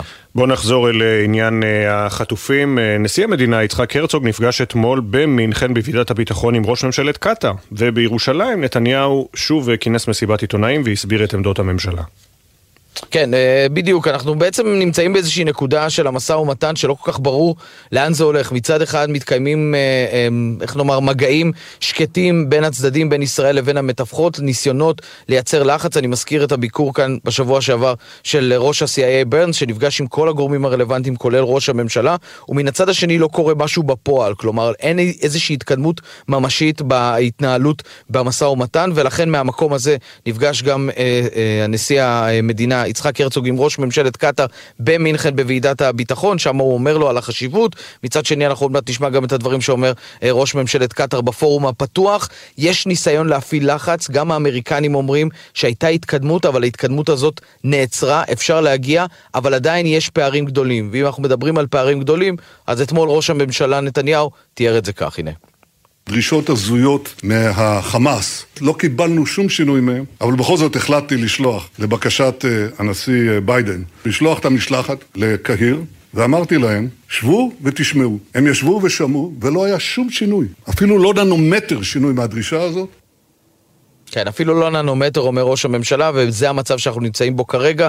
ישראל מצפה ומקווה שהמתווכות תוכלנה להפעיל לחץ על חמאס. מהצד השני בינתיים שומעים קולות שאומרים, אם אתם לא רוצים לסייע לנו הומניטרית, אנחנו לא מתקדמים הלאה. תודה, יניר. תודה. לעומת ישראל שמחכה שחמאס ישנה את דרישותיו, דווקא בקטאר אומרים פומבית שאפשר להגיע לעסקה בקרוב. ראש ממשלת קטאר כאמור אה, בוועידת הביטחון במינכן הביע אופטימיות זהירה בנוגע לסיכויי המשא ומתן. פרשננו לענייני ערבים ג'קי חוגי, שלום, בוקר טוב. שלום, בוקר טוב אפי. כן, הוא הנציג של הקטרים בשיחות האלה. ראש ממשלת קטאר מוחמד אה, אה, בן ג'אסם מתני מכיר היטב את המשא ומתן מבפנים, בין משפחת המלוכה, והופיע אתמול בוועידת מינכן, אירוע בינלאומי שמתקיים אחת לשנה בגרמניה, נשאל על המגעים, וכמו שאתה אומר, מפיח בהם אופטימיות זהירה, נשמע את הקטע הראשון מדבריו. You know, the time is not in, in, in our favor. Uh, we made some good progress in the last few weeks in the negotiations, uh, and we've been trying to reach an agreement between the two parties. Yet, uh, the last few days has not been progressing as expected, and uh, I believe there are still differences. הוא אומר, רשמנו התקדמות יפה בשבועות האחרונים ואנחנו מנסים להגיע להסכם. בשלושת הימים האחרונים לא נרשמה התקדמות כפי שציפינו, עדיין יש פערים, וגם הוא מציין אפי, הזמן איננו לטובה. ראש ממשלת קטאר גם פונה לישראל, הוא אומר שהמלחמה חייבת להיפסק, אף אם ללא תנאים מוקדמים. כלומר גם אם חמאס לא ישחררו חטופים, ומדבר ארוכות על הנושא ההומניטרי, הנה נשמע. We still see some difficulties on the humanitarian part of uh, these negotiations. That we are able to reach in the next few days uh, some good conditions on, on that side, I believe that we can see a deal happening very soon. אנו עדיין רואים קשיים בנושא ההומניטרי בשיחות. אם נוכל בימים הקרובים להשיג כמה הסכמות טובות בנושא הזה, אז אני מאמין שנוכל לראות עסקה בקרוב מאוד. ככה הוא אומר. שים לב, אפי, שבניגוד לעמדת חמאס לא לנהל משא ומתן כל עוד המלחמה מתנהלת, הם עמוק בתוך השיחות עם ישראל. גם אסמאעיל הנייה דיבר אתמול וטען, אנחנו לוקחים את השיחות הללו ברצינות גמורה, ואפילו גילינו גמישות. כך לדבריו. ג'קי חוגי, תודה. תודה. מצטרף אלינו שר החינוך יואב קיש, הליכוד, שלום לך, בוקר טוב. בוקר טוב. אומר ראש הממשלה, ואמר את זה אתמול במסיבת העיתונאים, החמאס לא התגמש, לא זז אפילו ננומטר בעמדותיו. אומרים לו משפחות החטופים, אבל לפחות תשלח גם השבוע משלחת לקהיר, כדי שאפשר יהיה להבין מה כן אפשר להשיג. למה לא לשלוח משלחת שכזו? אתה נכנס פה לניהול הטקטי של המשא ומתן. זה שלא נוסעים לא אומר שלא קורה שום דבר. ברור שקורה. יש שיחות כל הזמן, יש גורמים אחראים, יש משמעות של שליחה של נציגים למצרים כאשר החמאס לא זז מהדרישות הסף הבלתי אפשריות שלו. ולכן אני חושב שזה באמת לא נכון, צריך להשאיר את זה כמו שהקבינט המצומצם החליט, וכל עוד חמאס לא זז מהדרישות ה... לא הגיוניות שהוא שם על השולחן, למעשה לא ניתן לקדם את המשא ומתן. בינתיים הזמן של החטופים אוזל, מה לעשות, ולא בטוח שאפשר יהיה להוציא לפועל עוד מבצעים הירואיים כמו בשבוע שעבר עם החילוץ של פרננדו מרמן ולואיס הר, כיוון שמן הסתם חמאס משנה, נקרא לזה נהלים, נהלי שמירה על החטופים.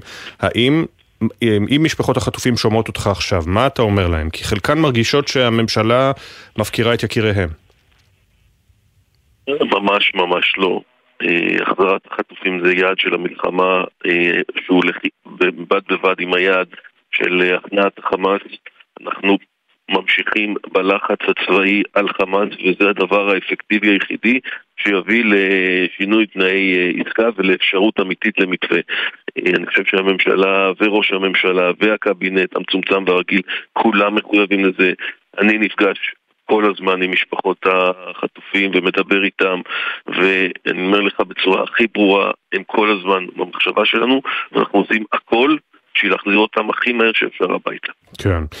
בינתיים ראש הממשלה ממשיך לדבר על כך שפעולה ברפיח היא בלתי נמנעת, שתהיה פעולה ברפיח, זה מחייב את מטרות המלחמה. מצרים מאוד עצבנית בלחץ מהעניין הזה, גם שמענו את שעבד אל פתאח א-סיסי מודאג מכך, גם שר החוץ של מצרים אמר במינכן שזה הסלמה משמעותית אם יהיה דבר שכזה. האם הדיבורים הללו לא גורמים לכך שיחסינו עם מצרים נמצאים בשפל? כולם מודאגים גם במדינת ישראל, חושבים היטב איך הם בעצם מניעים מיליון נקודה ארבע אנשים החוצה מרפיח. זה אני חושב הסיבה לדאגה. אבל צריך מהצד השני גם להיות ברור. אנחנו לא נוכל להשיג את מטרות המלחמה בלי שנכניע את חמאס ברפיח. ובשביל זה אמ, כל קריאה לכך שלא להיכנס לרפיח משמעותה לומר לישראל תשאירו את חמאס בחיים. זה לא יהיה. אנחנו חייבים להיכנס לרפיח. צריך לעשות את זה בשום שכל, צריך לדעת לעשות, לחשוב היטב לאן מניעים את האוכלוסייה, לייצר את התנאים, אבל היעד המרכזי חייב להיות הכנעת חמאס אה, ברפיח. בואו נדבר על אה, הרמדאן. אה, שר, השר לביטחון לאומי איתמר בן גביר עושה שוב כותרות בסוף השבוע, כשהוא דורש למעשה לא להכניס בכלל פלסטינים מיהודה ושומרון, וגם להגביל משמעותית כניסת ערבים אזרחי ישראל. היום יהיה דיון אצל ראש הממשלה בנושא. עמדתך לגבי הנושא הזה. אני קודם כל לא מחפש כותרות בנושא הזה, אני חושב שזה נושא סופר רגיש, הוא נושא חשוב, משמעותי בתקופה הזו שאנחנו נמצאים בה. אה, חייבים אה, לקיים דיון רציני ומעמיק עם כל זרועות הביטחון בנושא. שבאמת היעד הוא לצמצם סכנה על מדינת ישראל מכל הכיוונים. ברור שכניסת פלסטינאים עכשיו לישראל זה דבר לא רצוי. אה, ברור שיש משמעויות לכל מהלך שניקח ונפעל בו. ובמכלול השיקולים צריך לקבל החלטה מאוזנת אה, שתביא את אה, מירב היתרונות למדינת ישראל. אני יכול לומר לך דבר אחד ברור, שלהתייחס כאילו לא קרה כלום ולעשות אה, מה שהיינו עושים בעבר זו בעיניי טעות גדולה. צריך להכניס את כל השיקולים לתוך האירוע ולהבין את המתיחות שאנחנו נמצאים ולקחת החלטה בהתאם לכל הדברים האלה. אבל מה שהיינו עושים בעבר בין היתר זה גם הגבלות על כניסת מתפללים כמעט מדי שנה, בוודאי בתקופה של לא, מתיחות ביטחונית. בוודאות, אני, הוויכוח הוא, ההגבלות שהיו בעבר זה נקודת ההתחלה, זה ברור שלא יהיה יותר. השאלה היא עד איפה אתה מצמצם וכמה אתה נותן, אם בכלל, אה, ויש פה הרבה מורכבויות, אה, אני חושב שזה לא נכון, זה לא שיח שהוא נכון לתקשורת, אני חושב שהוא כן נכון לפורום מצומצם רלוונטי, אבל אין ספק שהוא חייב להיעשות וחייבים לקחת פה החלטות. למה להכניס לנושא הזה גם את ערביי ישראל כמו שעושה אה, השר בן גביר? התחושה היא שהוא ממש מנסה להדליק גם את המגזר הזה. לא, אני לא חושב שמישהו מנסה להדליק, ואם כן, אז זה טיפשות גדולה. אנחנו לא מחפשים להדליק, אבל אנחנו מחפשים בהחלט לוודא שלא יהיה פוטנציאל לאלימות כנגד אזרחי ישראל, וכל אירוע שיכול לייצר הקצנה או לייצר, אה, אה, בוא נגיד, איזשהו אה, מהלך שתומך בחמאס, חייבים לחשוב טוב איך מנהלים אותו, ואני משאיר לכוחות הביטחון בעניין הזה להפעיל את השיקולים. אה, אמר אתמול ראש הממשלה בנימין נתניהו שיש תאריך לבחירות. אה, כיוון כמובן לנובמבר 2026, זה אומר עוד אה, שנתיים וקצת, שנתיים וחצי אפילו, אפילו קצת יותר. הגיעו מיד קולות אלמונים מהליכוד שאמרו ראש הממשלה לא יודע על מה הוא מדבר, בפרפרזה שלי, כן? לא יודע על מה הוא מדבר, אחרי השבעה באוקטובר, כשתסתיים המלחמה, הולכים לבחירות מוקדמות, אין דרך אחרת. האם אתה חושב, כמו ראש הממשלה, שהבחירות יהיו בנובמבר 26? אני חייב לומר לך, אני, אתם התחלתם את הדיווח שלכם בחדשות, שמעתי אתכם על הלחימה בח'אן יונס, על אה, בית חולים נאסר. אה, יש שם לחימה עיקשת, אנחנו מוצאים אה, מקומות שחוזרים המחבלים, כל שיח על בחירות עכשיו, שהוא שיח מפלג, שהוא שיח שמחליש את מדינת ישראל, שמייצר ניצחון לחמאס בעניין הזה, הוא שיח לא טוב. אני אומר בצורה מאוד ברורה, אנחנו באמצע המלחמה, כל עוד החיילים שלנו נלחמים כתף אל כתף, כל השיח הזה על בחירות הוא מיותר, ובעיניי הוא פוגע בנו, הוא ממש ממש לא נותן שום ערך, ואני לא, לא רוצה לקחת חלק בו. אני יכול לומר לך דבר אחד, אחרי שננצח, אנחנו חייבים לנצח. אני אומר, מבחינתי, כל השיח, הכל פתוח, הכל דבר לגיטימי. כרגע, בוא נשאיר את השיח המפלג הזה לזמנים אחרים. שיח מפלג, אבל אתה יודע, יש גם קולות שנשמעים בליכוד. אתה אומר שהליכוד מאוחד ב-100% מאחורי נתניהו? אני אומר שאנחנו כולם מאוחדים היום, ולא רק הליכוד, כל המדינה, והחיילים שלנו בצבא, בהנהגה שלנו, אנחנו חייבים להוביל אה, את המדינה לניצחון, ואת הדבר הזה עושה ראש הממשלה, מחויב לזה, את הדבר הזה עושה כל הממשלה, קבינט המצומצם, כל האנשים שמבינים שהאתגר היום שיש למדינת ישראל הוא מעל הפוליטיקה. ובאתגר הזה אנחנו חייבים לעמוד. החלטה אחת שלך, שר החינוך, ב- בסוף השבוע שעבר, שעוררה הרבה מאוד זעם וכעס, היא העניין אה, של פרס ישראל וביטול כל הקטגוריות רק לקטגוריות שבענייני אה, תקומה וגבורה אה, במלחמה. למה בעצם לבטל קטגוריות של מדעים, של חקר המקרא, של ספרות, של תנ"ך? פרס שמחולק כבר 70 שנה מאז 1953 וחולק גם בשנים של מלחמות. א', הוא גם יחולק השנה, והקטגוריות אה, אה, שדיברת עליהן אכן נדחות בשנה אחת. למה אבל? הרי קטגוריית מדעים למשל, מדעים זה משהו שמשלב אותנו גם במלחמה, מיישם אותו. אני עונה לך. אני הרגשתי, ממש ככה, שהיה יום גם שפורסמו על נפילה של חיילים שלנו ואני הייתי צריך לעסוק בדבר הזה, הרגשתי שזה פשוט מנותק. לבוא ולדבר עכשיו על... אה, אה, זה, זה היה ממש נראה לי אה, בלי שום קשר לעניין שאנחנו נמצאים בו. אני חושב שנכון היה, ואני חושב שזו החלטה שלקחנו, להתמקד באמת בפרסים שמדברים על המלחמה, על התקומה, ועכשיו בתקופה הזו להתחיל לעסוק בכל מיני דברים שאנחנו עוסקים להם בשוטף.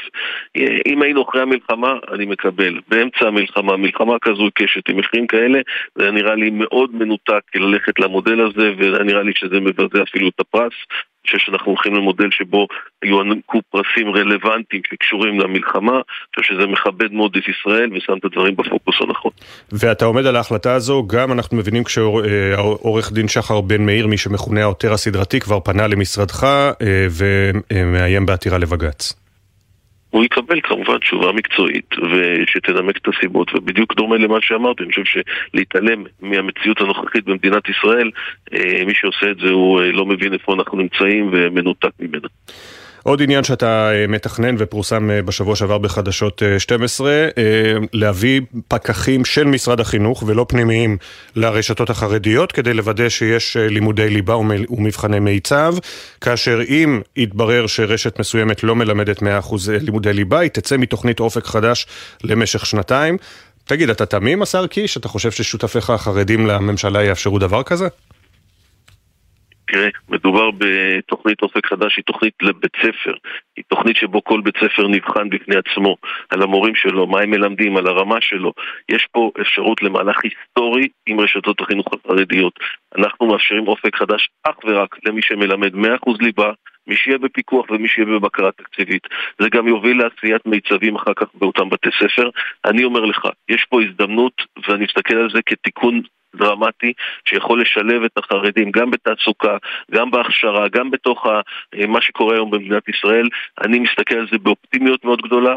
יש פה שינוי שרואים אותו כי התקנות שמתפרסמות הן שונות לחלוטין ממה שהיה. כן חובת ההוכחה אחר כך עליי, אבל אני אומר לך בצורה הכי ברורה, פתחנו פה אפשרות לשינוי מציאות ועשינו את זה אחרי הרבה שיחות ואחרי הבנה גם של החברה החרדית שאנחנו הולכים ביחד למקום הזה. שר החינוך יואב קיש, הליכוד, תודה רבה לך, בוקר טוב. תודה רבה.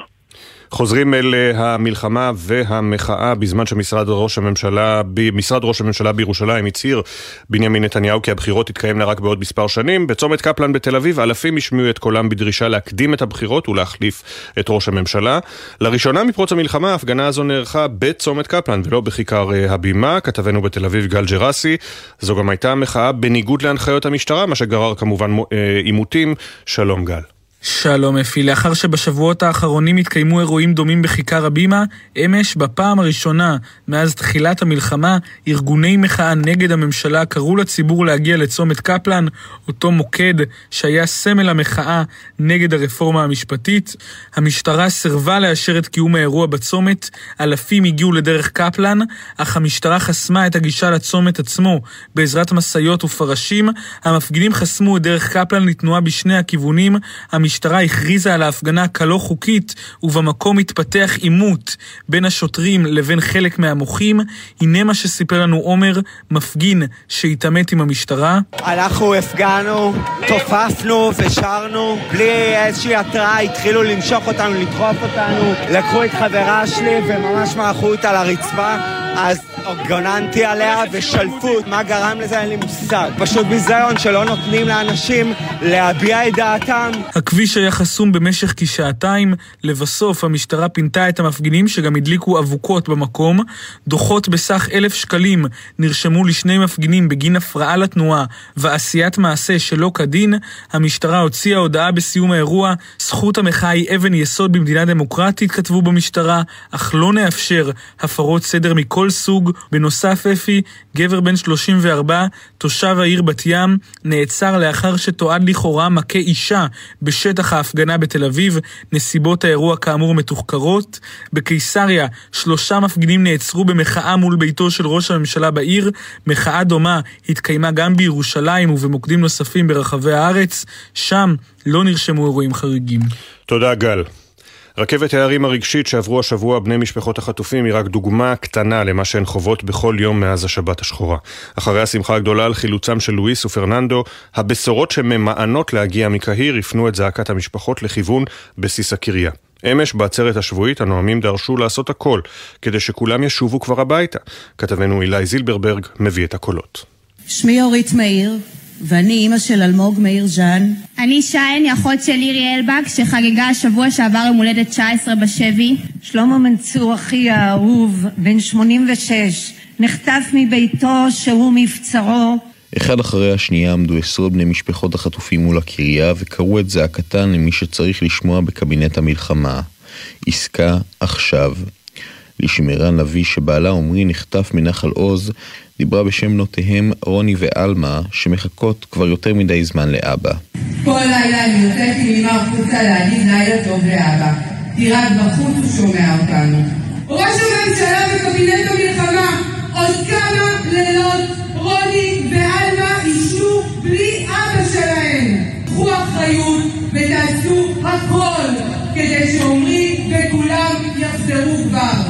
המשפחות בחרו במתווה שונה אחרי השבוע הפכפך שעבר עליהן, בין מבצע החילוץ המזהיר לדיווחים מקהיר על העיכובים במשא ומתן.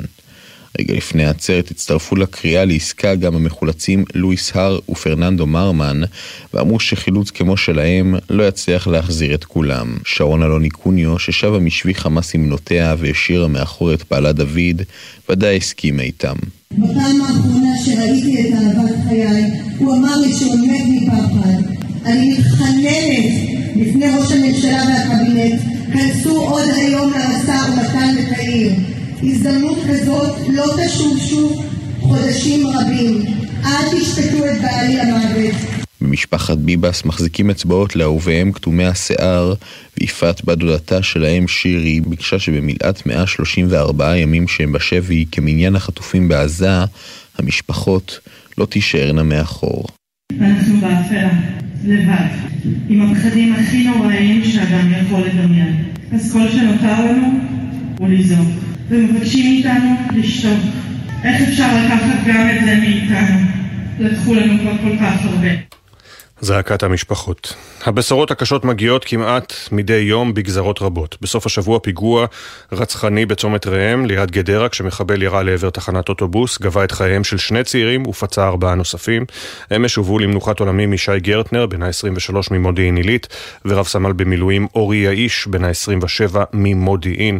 כתבתנו עינב קרנר מביאה את סיפוריהם. איך אפשר להגיד, להגיד עליך שאתה כבר לא איתנו. בחלקה הצבאית בבית העלמין במודיעין נערכה הלילה הלווייתו של רב סמל אורי יאיש, תושב העיר בן 27 שנפל בפיגוע בערב יום שישי האחרון.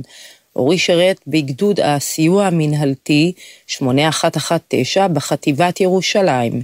בן דודו יהל יאיש, שגדול ממנו בשלושה ימים, סיפר על החוויות המשותפות ועל הפרח שנקטף טרם זמנו. אין באמת מילים שיוכלו לתאר את הדמות, את המלאך, באמת. הוא פשוט פרח, הוא היה פרח שנקטף טרם זמנו. הייתה לו את האינטליגנציה הרגשית הכי גבוהה שראיתי. תמיד הוא היה מחייך. אין דבר כזה שהוא עצוב, והוא ממלא את החלל בשמחה ואור. גם דודתו רחלי סיפרה על אחיינה מלא בנתינה, והיא מתקשה להיפרד ממנו. איך אפשר להיפרד ממך? מלא נתינה, איך היית טוב לסבא וסבתא, היית טוב לכולם, איך אפשר להיפרד ממך? הבני דודים שלך מרוסקים. בת דודתו הזמרת נועה קירל נפרדה ממנו וכתבה, גיבור ישראל, השבר והכאב לא נפסקים. נזכור אותך לעד. אורי הותיר אחריו הורים, אח ואחות. בבית העלמין במודיעין עילית התקיימה באותו הלילה גם הלווייתו של ישי גרטנר ממודיעין עילית. ישי נרצח ביום הפיגוע כשהיה בדרכו לבית הוריו, מהישיבה בקריית מלאכי שבה הוא למד לאחרונה. אביו ספד לו, הוא היה סמל של כיבוד הורים. פעם הוא אמר לאמו, תדעי שאני מכבד אותך גם כשאת לא יודעת, כל יציאה מהישיבה הייתה עם שיקול דעת. גם השבת הוא לא רצה לבוא, אבל הוא כיבד את ההורים והחליט לבוא. אחיו מאיר ספד לו, היו לך מידות אצילות. אני בחיים לא זוכר שהתעצבנת על מישהו או שכעסת. יהי זכרם של השניים ברוך. אמן. כמעט 7.32 הכותרות. דיון ביטחוני מיוחד בנוגע להגבלת עליית מוסלמים להר הבית בחודש רמדאן יכונס היום בראשות ראש הממשלה נתניהו. ראש הממשלה דורש שההחלטה תתקבל בהרכב מצומצם, בעוד שהשר איתמר בן גביר דורש להעביר את הדיון לקבינט המדיני-ביטחוני, כך דיווח בבוקר טוב ישראל כתבנו המדיני יניר קוזין. עוד דורש בן גביר לצמצם למינימום את עליית המוסלמים להר הבית בחג, להגביל עליית ערבים אזרחי ישראל מגיל 70 ומעלה, ולאסור על עליית פלסטינים תושבי יהודה ושומרון.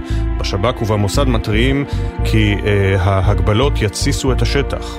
בתוך כך נמשכת חקירת אה, הפיגוע אה, ביום שישי בצומת ראם סמוך לגדרה, שבו נרצחו שני בני אדם ונפצעו ארבעה.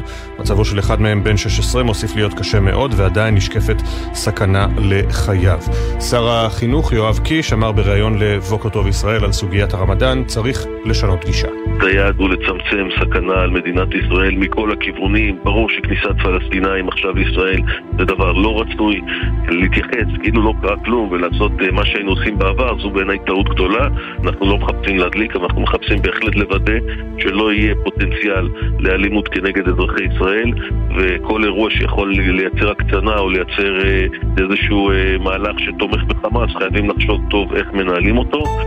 נשיא מצרים עבד אל פתאח א-סיסי נועד הלילה עם נשיא צרפת עמנואל מקרו, הם דנו בהשלכות ההומניטריות הקטסטרופליות כהגדרת א-סיסי של פעולה צבאית ישראלית ברפיח ובפגיעה האפשרית בכמיליון וחצי העקורים הפלסטינים באזור. זאת לאחר שראש הממשלה נתניהו אמר אמש, ישראל תילחם עד להשגת הניצחון המוחלט וזה כולל גם פעולה ברפיח. נתניהו הוסיף, נעשה זאת רק אחרי שנאפשר לאזרחים להתפנות לאזורים בטוחים.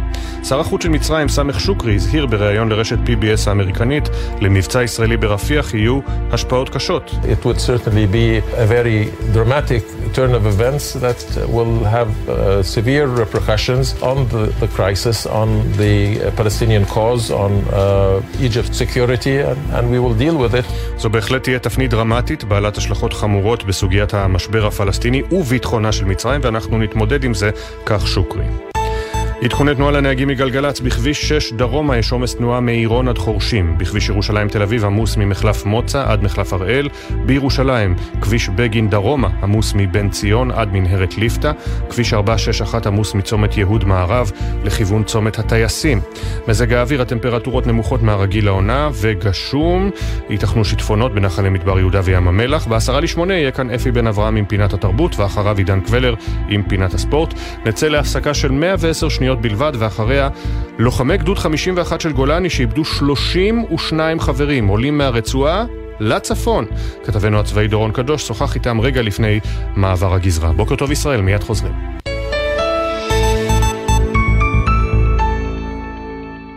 בחסות אוטודיפו, המציעה מצברים לרכב עד השעה תשע בערב בסניפי הרשת, כולל התקנה חינם. כי כדי להחליף מצבר, לא צריך להחליף לשעות עבודה יותר נוחות. אוטודיפו.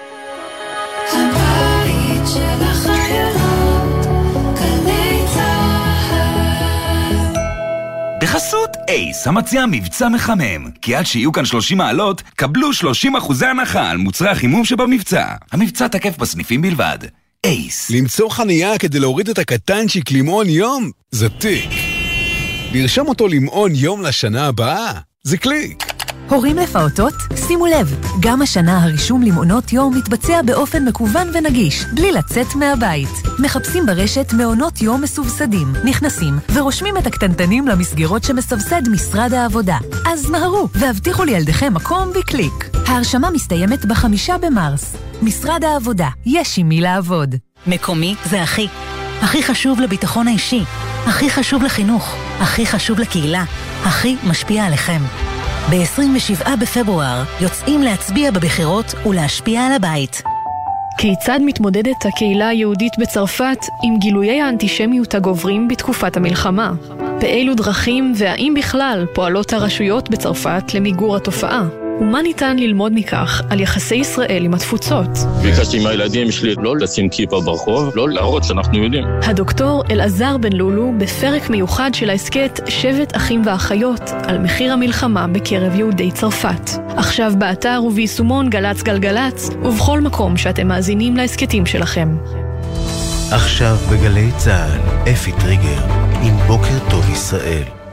גדוד 51 של גולני רשם בחודשים האחרונים דפים רבים בהיסטוריה של צה"ל. בבוקר ה-7 באוקטובר הוא הוצב בעוטף עזה ולחם לבד בשעות הראשונות על מרחב כיסופים.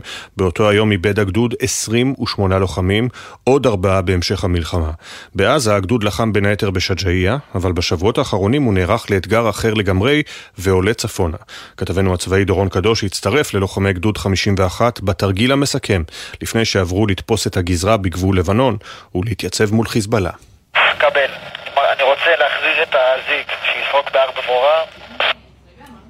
רות, קיבלנו, שעשינו סריקות בהר דבורה, אין לנו אינדיקציה שם על אה, כוח אויב, עד כאן. טוב, אז אנחנו בעצם מתרגלים היום את השינוי, את המעבר בין הגזרה הדרומית לגזרה הצפונית. אה, מתרגלים את התמרון, שינוי השטח, שינוי האויב, השינוי של כוחותינו בעצם במשימות שנקבל ובאתגרים השונים. סרן יובל, מפקד הפלוגה המסייעת בגדוד 51, נלחם כבר מאז בוקר 7 באוקטובר, אבל עכשיו הוא והגדוד עוברים להילחם במקום אחר לגמרי, גבול לבנון, ומול אויב אחר, חיזבאללה. חיזבאללה הוא אויב יותר uh, מצויד uh, ויותר מיומן בהכשרה שלו, גם בהכשרה האיראנית שלו וגם בהכשרה שלו כארגון. ואני האחרון שזלזל בחמאס, אבל uh, כן, כשאנחנו הולכים לצפון, אנחנו נערכים בצורה משמעותית יותר, בטח בהיבט של למידת האויב. והבנת האיומים השונים. אנחנו מעריכים את חיזבאללה, כדאי לו להעריך אותנו. זה מג"ד 51, סגן אלוף מאיר אוחיון. הוא איבד 32 לוחמים, רובם ב-7 באוקטובר, אבל הוא לא מוכן לעצור. בשיחה איתנו הוא מדבר על המחויבות שלו ליצור את התנאים להחזרת תושבי הצפון הביתה, ואם צריך, הוא והגדוד מוכנים להיכנס לתמרן גם בלבנון. מה שאנחנו באמת נערכים אליו כגולני, זה השלב הבא כדי להפסיק את הירי, שזה המעבר להתקפה. זה הסיפור המרכזי. זה גם התרגד הזה, לזה אנחנו נערכים, אנחנו מוכנים. כל מה שעברנו בעזה עד כה, קדימה, רק שייתנו את הפקודה, והסרת האיום היא תהיה כך. רוצים לחצות את הגבול ללבנון, זה משהו שאתה מזהה רצון? לגמרי, לגמרי, לגמרי. זה... תראה, זה חלום של כל לוחם בסוף. זה לא חלום כי אנחנו חוססים אלי קרב, זה חלום כי לזה אתה מתכונן, לשם זה התגייסת. זה התפקיד שלנו, את הורינו. תמרון בלבנון ייראה כמובן אחרת לגמרי, זה ברור. יש לקחים שאפשר ללמוד מעזה, יש דברים שלא, השטח שונה ואופי הלחימה אחר. אני מדמיין תמרון אחר, הרבה יותר רגלי, עם שימוש באש יותר מסיבית. אני חושב שיש גם יתרונות ללחימה בדרום לבנון. השטח, אתה יכול לנצל אותו לטובתך בצורה יעילה. לא פשוט, או לא פשוט בכלל, להילחם בשטח אורבני צפוף, כמו בסג'אעיה או ברימל. אז uh, בגלל המבנה הטופוגרפי בדרום לבנון, אני חושב שאפשר לנצל את היתרונות שלנו, היחסיים בתוך, בתור צה"ל, ובטח בתור uh, חטיבה וגדוד, כדי להגיע עם יתרון. והלוחמים מוכנים למשימה, פגשנו אותם בתרגיל בצפון, כמעט קשה להבחין שהחבר'ה האלה עברו כמעט 90 ימים בתוך עזה. סרן יובל, מ"פ המסייעת, בטוח שהיום הם לוחמים הרבה יותר טובים. תוך ארבעה חודשים יש הרבה יותר גם ביטחון ללוחמים. עם הלוחמים שאמרו עזה, עזה, מה יהיה בעזה, ו... ובסוף כמו גדולים נכנסים ואין פחד לאף אחד ומבצעים כל משימה בצורה הכי טובה שיש ומשמידים מחבלים אז כן, זה גם נותן הרבה ביטחון לי במסגרת וללוחמים בעצמם. ארבעה חודשים אתה בלחימה, חד משמעית אתה לוחם הרבה יותר טוב, אתה מפקד הרבה יותר טוב. כמו כן, כמו שאמרתי לך, הייתה אינדיקציה לנוטט קצר טווח בפאתים של מייל, עד כאן. בתרגיל פגשנו גם את סרן רועי, מ"פ רובעית א' בגדוד, שאיבד חמישה לוחמים בשבת השחורה, והם הולכים איתו לכל מקום שהוא נמצא בו. הרוח שלהם איתנו, בגבנו, ומרימה אותנו. זה לכל החיים, ואנחנו נמשיך ונלווה גם את המשפחות השכולות וגם את הפצועים. זה חלק ממך, זה לכל החיים. ומה שחשוב זה שאנחנו יודעים שיש לנו את התמיכה גם של המשפחות וגם של הפצועים להמשיך קדימה למשימות הבאות. ועם הרוח הזו, לוחמי גדוד 51 ממשיכים קדימה, חזקים יותר, טובים יותר, ועם משימה חשובה מאוד בגזרתם החדשה, להחזיר את הביטחון ליישובי הצפון. משימה גדולה, מונחת על כתפיהם. אל תדאג, אז חטיבת גולני הגיעה ותחושת הביטחון תחזור, סמוך עלינו. סומכים על גולני כמובן. תמר ואורי בן צבי הסתתרו במשך 12 שעות בעליית הגג בביתם בזמן שמחבלים השתלטו על קיבוץ בארי. כשעזבו לא ידעו שזאת תהיה הפעם האחרונה שיראו את ביתם בשלמותו. כתבתנו יובל מילר התלוותה בשבוע שעבר לתמר שהגיעה שוב לקיבוץ כדי להיפרד בפעם האחרונה מהבית ומהזיכרונות הכואבים. תרים את החצובה של יואב. הבית שלי זה מוזיאון, יש פה כל הארכיון של סבא שלי, שהוא הקים את המדינה, מאנשי העלייה השנייה, של ההורים שלי שהם אה, הקימו את המדינה עם דור הפלמ"ח, זה האלבום שלנו. לא, אני אגיד לך מה מעניין אותי, מה שיש בערימות פה, כי זה פה הבית שלי קבור. ביתם של בני משפחת בן צבי מקיבוץ בארי היה מעוטר בקרמיקה, גדוש במאות אלבומי תמונות משפחתיים עוד מלפני קום המדינה, ומובזר באוסף נדיר של תיבות נגינה מכל רחבי העולם. ארבעה חודשים אחרי טבח 7 באוקטובר, ופינוי ההריסות משכונת אשלים בקיבוץ בארי התחיל. הצעד הראשון, כחלק מתוכנית השיקום והבנייה מחדש של כ-130 בתים בקיבוץ, יוצא לדרך. את תמר בן צבי פגשנו בבוקר יום חמישי, כשהגיעה להיפרד מביתה ההרוס, בו גידלה את ילדיה בעשרות השנים האחרונות. נפרדתי מהבית כבר אה, שמונה, תשע פעמים. זהו, אני מחכה שזה יעשור כדי שאני אוכל באמת להיפרד. בבוקר שבת, 7 באוקטובר, תמר בן צבי ובעלה אורי כבר עמדו מוכנים עם מזוודות ארוזות לקראת הטיסה. נופש בסיציליה שתוכנן בקפידה, אך רגעים לפני שיצאו מהבית לשדה התעופה, החלה המתקפה הנוראית של חמאס על הקיבוץ. בסביבות תשע, שכבר התחלנו לקבל הודעות מהשכונה המערבית, שהם יורים בממ"דים, שהם פצעו את החברה הזאת, שהם... והתחלנו התחלנו להבין שפשוט רוצחים את האנשים בממ"דים. כל האזור הזה היה ליד גג, היה שם מיטה, ונכנסנו לתוך הארון, וישבנו שם מתשע בבוקר, בתשע בערב הוציאו אותנו, בלי שדיברנו אחד עם השני, שנינו חשבנו, אנחנו כמו אנה פרנק, מתחבאים בתוך הארון, פשוט התחבאנו בתוך הארון. בסמוך להריסות ביתה, משחזרת תמר את הרגעים הדרמטיים מאותה השבת. 12 שעות שלמות של תופת. הבית היה שלם לגמרי, הורידו אותנו מלמעלה, מעליית הגג. יצאנו מפה בזה שאנחנו עוד מעט חוזרים. והיינו בטוחים שאנחנו חוזרים עוד כמה ימים, הכל ייגמר, אנחנו חוז- חוזרים הביתה וזהו. לא, היה- לא עלה על דעתנו בשום צורה שאין לנו בית. והבן שלי נשאר פה, היה בכיתת כוננות, הוא שלח תמונה לאורי של הבית ההרוס, ואמר לו שלא תעז להראות את זה לאמא, כי היא לא תעמוד בזה. אז אני דווקא עמדתי בזה, הוא לא עמד בזה, ואני אמרתי, זה רק בית. אנחנו יצאנו כולנו שלמים, הילדים שלנו יצאו שלמים. עבר, עבר עוד שבוע והגענו לפה, וקלטתי שאין לנו בית פשוט, אין בית, לא נשאר לנו שום דבר מהחיים הקודמים שלנו. תמר איבדה בת משפחה במהלך הטבח, בן משפחה נוסף נרצח בשבי חמאס, וכעת היא נאבקת להשבתם של חבריה שעדיין לא שבו הביתה. במשך יותר משעה פסעה תמר בין ההריסות כדי למצוא זיכרונות אחרונים מהבית. זה תהליך של להבין מה זה אין בית, הוא מאוד קשה. ככל שעובר הזמן, אני גם, אנחנו גם מבינים שאנחנו, זה שום דבר לא נגמר, אנחנו כבר ארבעה וחצי חודשים, ושום דבר לא נגמר. כל החיים שלי השקעתי במקום הזה. קשה לי מאוד לבוא לפה, מאוד קשה לי. אני גם שמחה שיפסיקו לבוא לראות את הבית שלי, ויפסיקו למצוא לי דברים. תמר בן צבי היא דור שני למייסדי הקיבוץ. את הארכיון בבארי, שאגב באורח פלא ניצל ולא נפגע מהתופת, תמר הקימה לפני 30 שנה, וגם היום היא אחראית על ההנצחה בקיבוץ. הם עוד לא באים עם השופלים? וואו, זה אבא שלי. תקשיב, זה התעודה של אבא שלי. אה, זה התעודת פטירה שלו. וזה, התעוד... וזה התעודות שלו מהצבא הבריטי. בבית המלון בים המלח בו שוהה רוב הקהילה כעת, תמר ובעלה אורי לא חזרו, הם החליטו להתגורר במושב, אך לא יודעים אם גם לבארי יחזרו שוב לגור. אני לפחות לא יכולה לחשוב על העתיד שלי. אני לא יכולה גם להחליט מה יהיה העתיד שלי. אבל יש לנו חברים שם שיכולים להחזיר אותם, להציל אותם. השופלים כבר התחילו לעבוד והפרידה הסופית מהבית התחילה. משפחת בן צבי אמנם תמשיך להגיע לקיבוץ, אורי לעבודה בדפוס ותמר למלאכת ההנצחה, אך כעת הם נפרדים סופית מהבית כדי לרכז את המאמצים בצעד נוסף שאולי יקדם את תהליך השיקום הסופי, השבת החטופים הביתה. כל מה שמעניין אותנו זה שיחזירו אותם, שיחזירו, שיפסיקו את הכל, שיחזירו אותם, כדי שאנחנו נוכל לחזור לחיים שלנו, אנחנו לא יכולים לחזור לחיים. לא יכולים לא לחשוב על בית, לא לחשוב על העתיד שלנו, אנחנו גם לא יודעים אם אנחנו נחיה פה. באמת שום דבר לא מעניין אותנו. זאת אומרת, אני בוכה על הבית, אני בוכה על החיים שהיו לי, אני בוכה על הקיבוץ שהיה לי, אני בוכה על המדינה שהייתה לי. מבחינתי הפרידה מהבית זה פרידה שיהיה לי הקלה שאני לא אצטרך יותר לעבור את הטלטלות האלה ולדעת שזה נגמר הפרק הזה.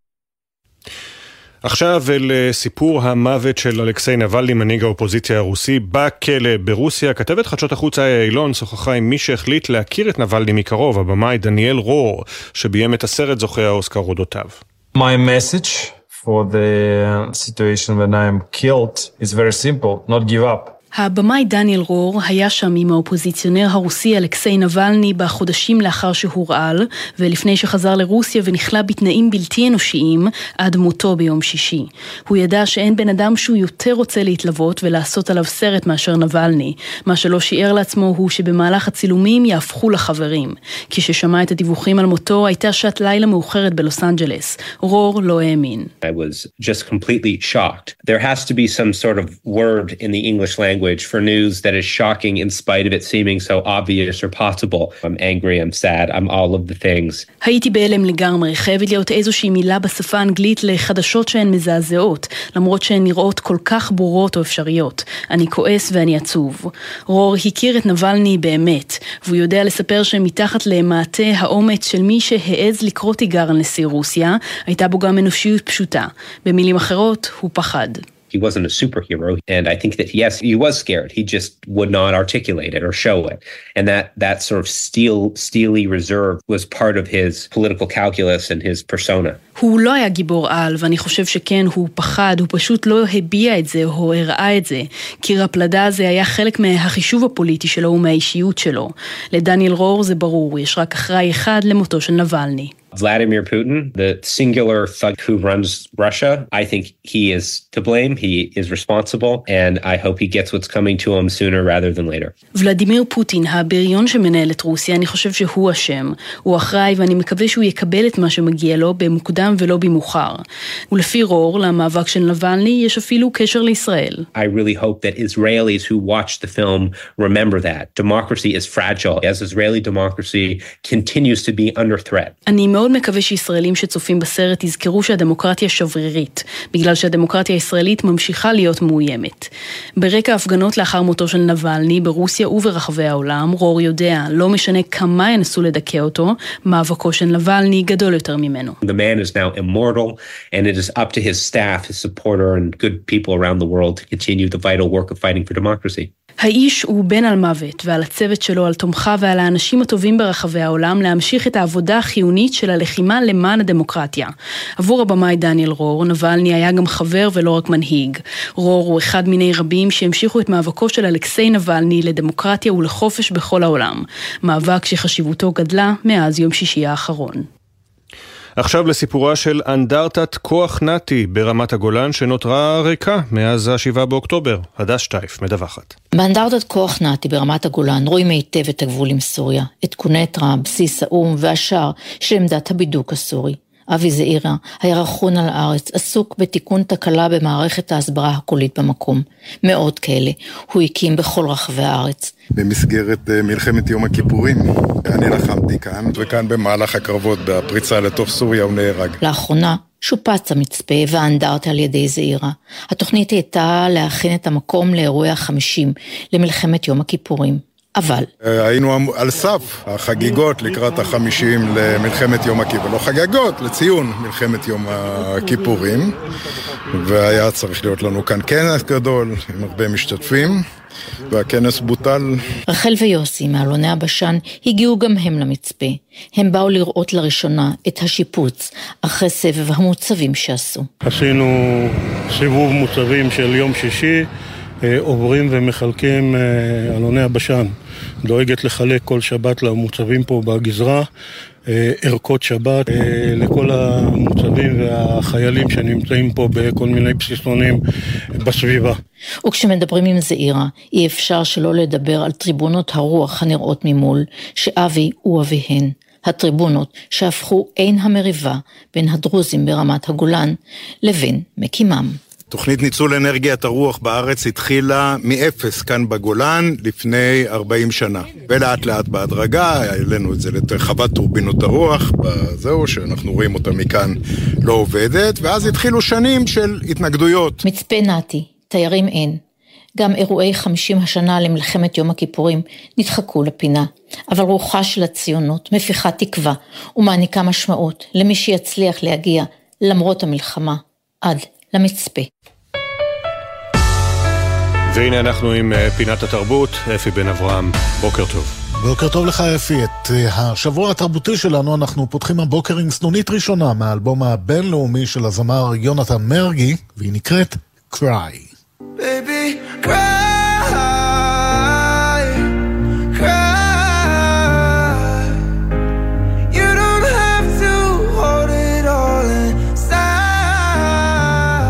זה הסינגל הראשון מתוך האלבום Shadows of Blue, צללים של כחול. האלבום מוכן כבר חודשים, אבל אירועי 7 באוקטובר הכואבים שינו את כל התוכניות.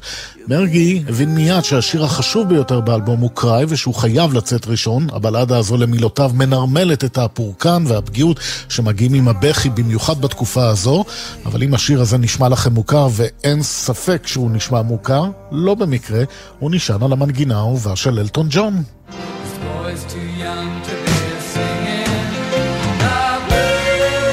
אכן, Goodbye Yellow Brick Road, השיר המצליח של אלטון ג'ון שמלווה את מרגי כבר שנים. לכתב את המוזיקה שלנו, גיא רימון, הוא סיפר שכשישב באולפן וזרק רעיונות, הוא החליט שעליו ליצור משהו חדש מהמנגינה הישנה והיפה הזאת. תהליך היצירה היה קצת הפוך. זאת אומרת, Yellow Brick Road לא הצטרף לשיר קיים, אלא היה לנו רעיון להשתמש באחד מהקטעים מתוך Yellow Brick Road בלחן, ולכתוב שיר על זה. זה היה אחד התהליכים הכי מרגשים שהיה לי בסשנים. וזה מרגש, מרגש לקחת שיר ומנגינה ולחן שאנשים ממש מרגישים שהוא חלק מהחיים שלהם, שנצרב להם זיכרונות עליו, ולתת לו חיים חדשים. אבל זה לא כזה קל כדי להשתמש באופן חוקי בקטע מן השיר האלמותי הזה של אלטון ג'ון, האומן המבצע זקוק לאישור משפטי מבעלי זכויות היוצרים, וזה תהליך שעלול להיות ארוך ומורכב, במיוחד אם מדובר בשיר של סופרסטאר ברמה עולמית, כמו אלטון ג'ון. היה לי חששות בהתחלה, אני אומן חדש פה, המון אנשים לא מכירים אותי, בטוח אלטון ג'ון לא מכיר אותי, אה, אני לא יודע מה, מה יהיה עם זה, אבל uh, אמרתי לעצמי, אוקיי, אני מתעסק בכתיבה, ובאמת uh, קצת זמן אחר כך קיבלנו את ההודעה שהוא מאוד מאוד אהב את השיר, ואותי, ו- ו- והוא מאשר, וזה היה הכי מרגש בעולם, זה באמת אלטון ג'ון, זה חלום. אז עכשיו מה שנותר אה, זה לשמוע מה חשב באמת על התוצאה סר אלטון ג'ון. כאמור, אם הוא החליט להשאיר את השימוש ביצירה הזאת שלו, כנראה יש משהו במרגי שחדר לליבו של אחד האומנים עם השירים והלחנים היפים והמרגשים שנכתבו כאן בעשורים האחרונים. מי יודע? אולי אלטון ג'ון ומרגי הדואט? לכו תדעו. עכשיו אפי לראשונה, מאז פרצה המלחמה, מוכרזת כאן הופעה בינלאומית אה, גדולה, ולא סתם הופעה, איחוד מרגש למדי.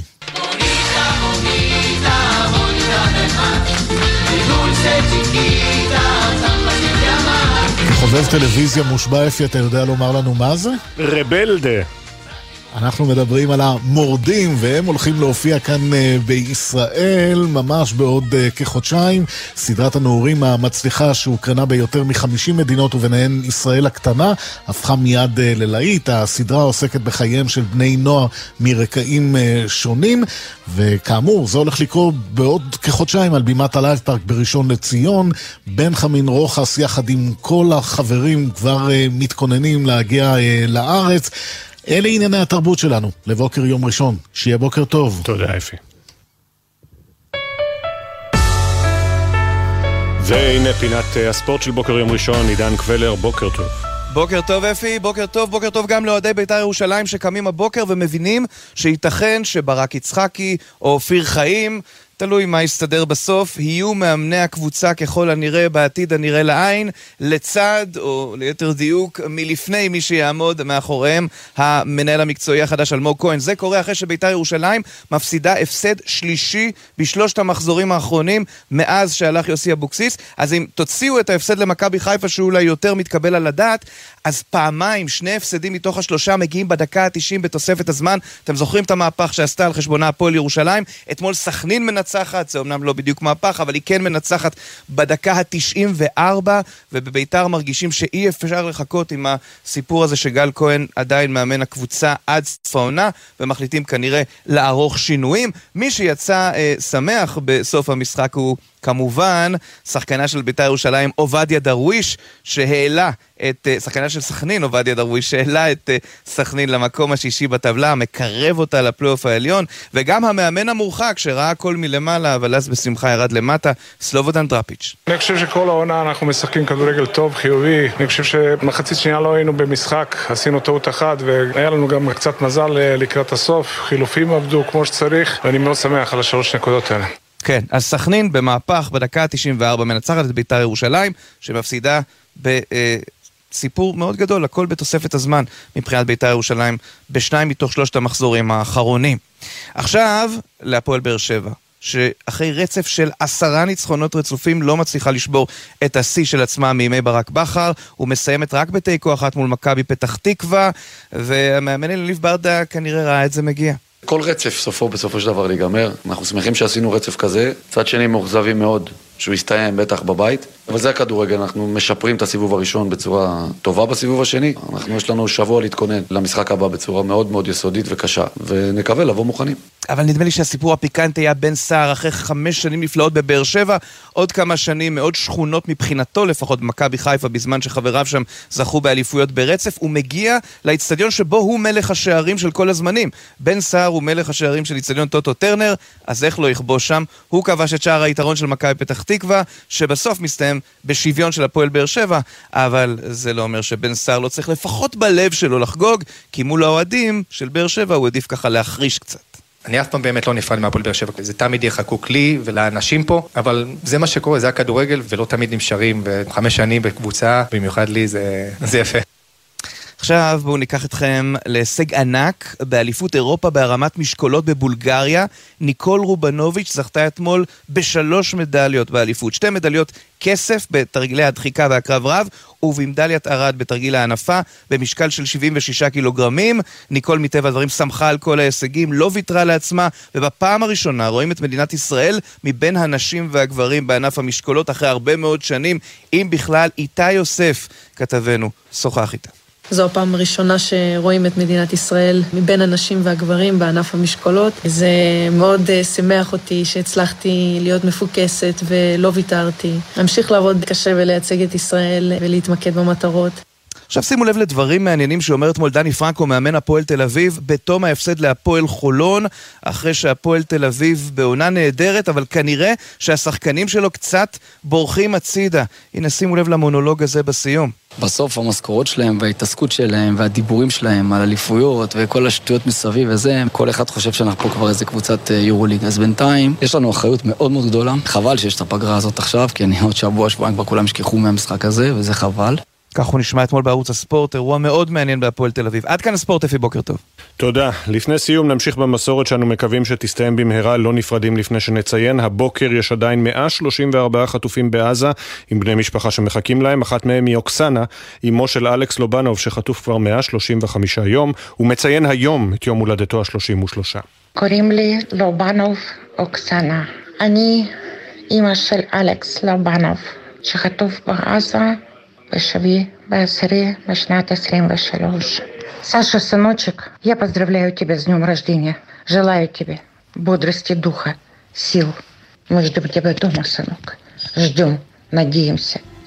סשה, בני היקר, אני מאחלת לך ליום הולדתך שתשמור על עוז הרוח ושולחת לך כוח. אנחנו מחכים לך בבית, ילד, מחכים, מקווים ומאמינים. יואב מאיסי ערך, עורכת המשנה מאיה יהלום, הפיקה, אורי שילה, לצידה נועה ארז, על ביצוע הטכני זיו עיני, בפיקוח הטכני דוד מימוני, עורך הדיגיטל מתן קסנמן, תודה גם למשה טורקיה, מיד אחרי כותרות שמונה, ספי ויניר. אנחנו ניפגש פה שוב מחר, יום שני, שש בבוקר, עוד יבואו ימים טובים יותר. בוקר טוב ישראל.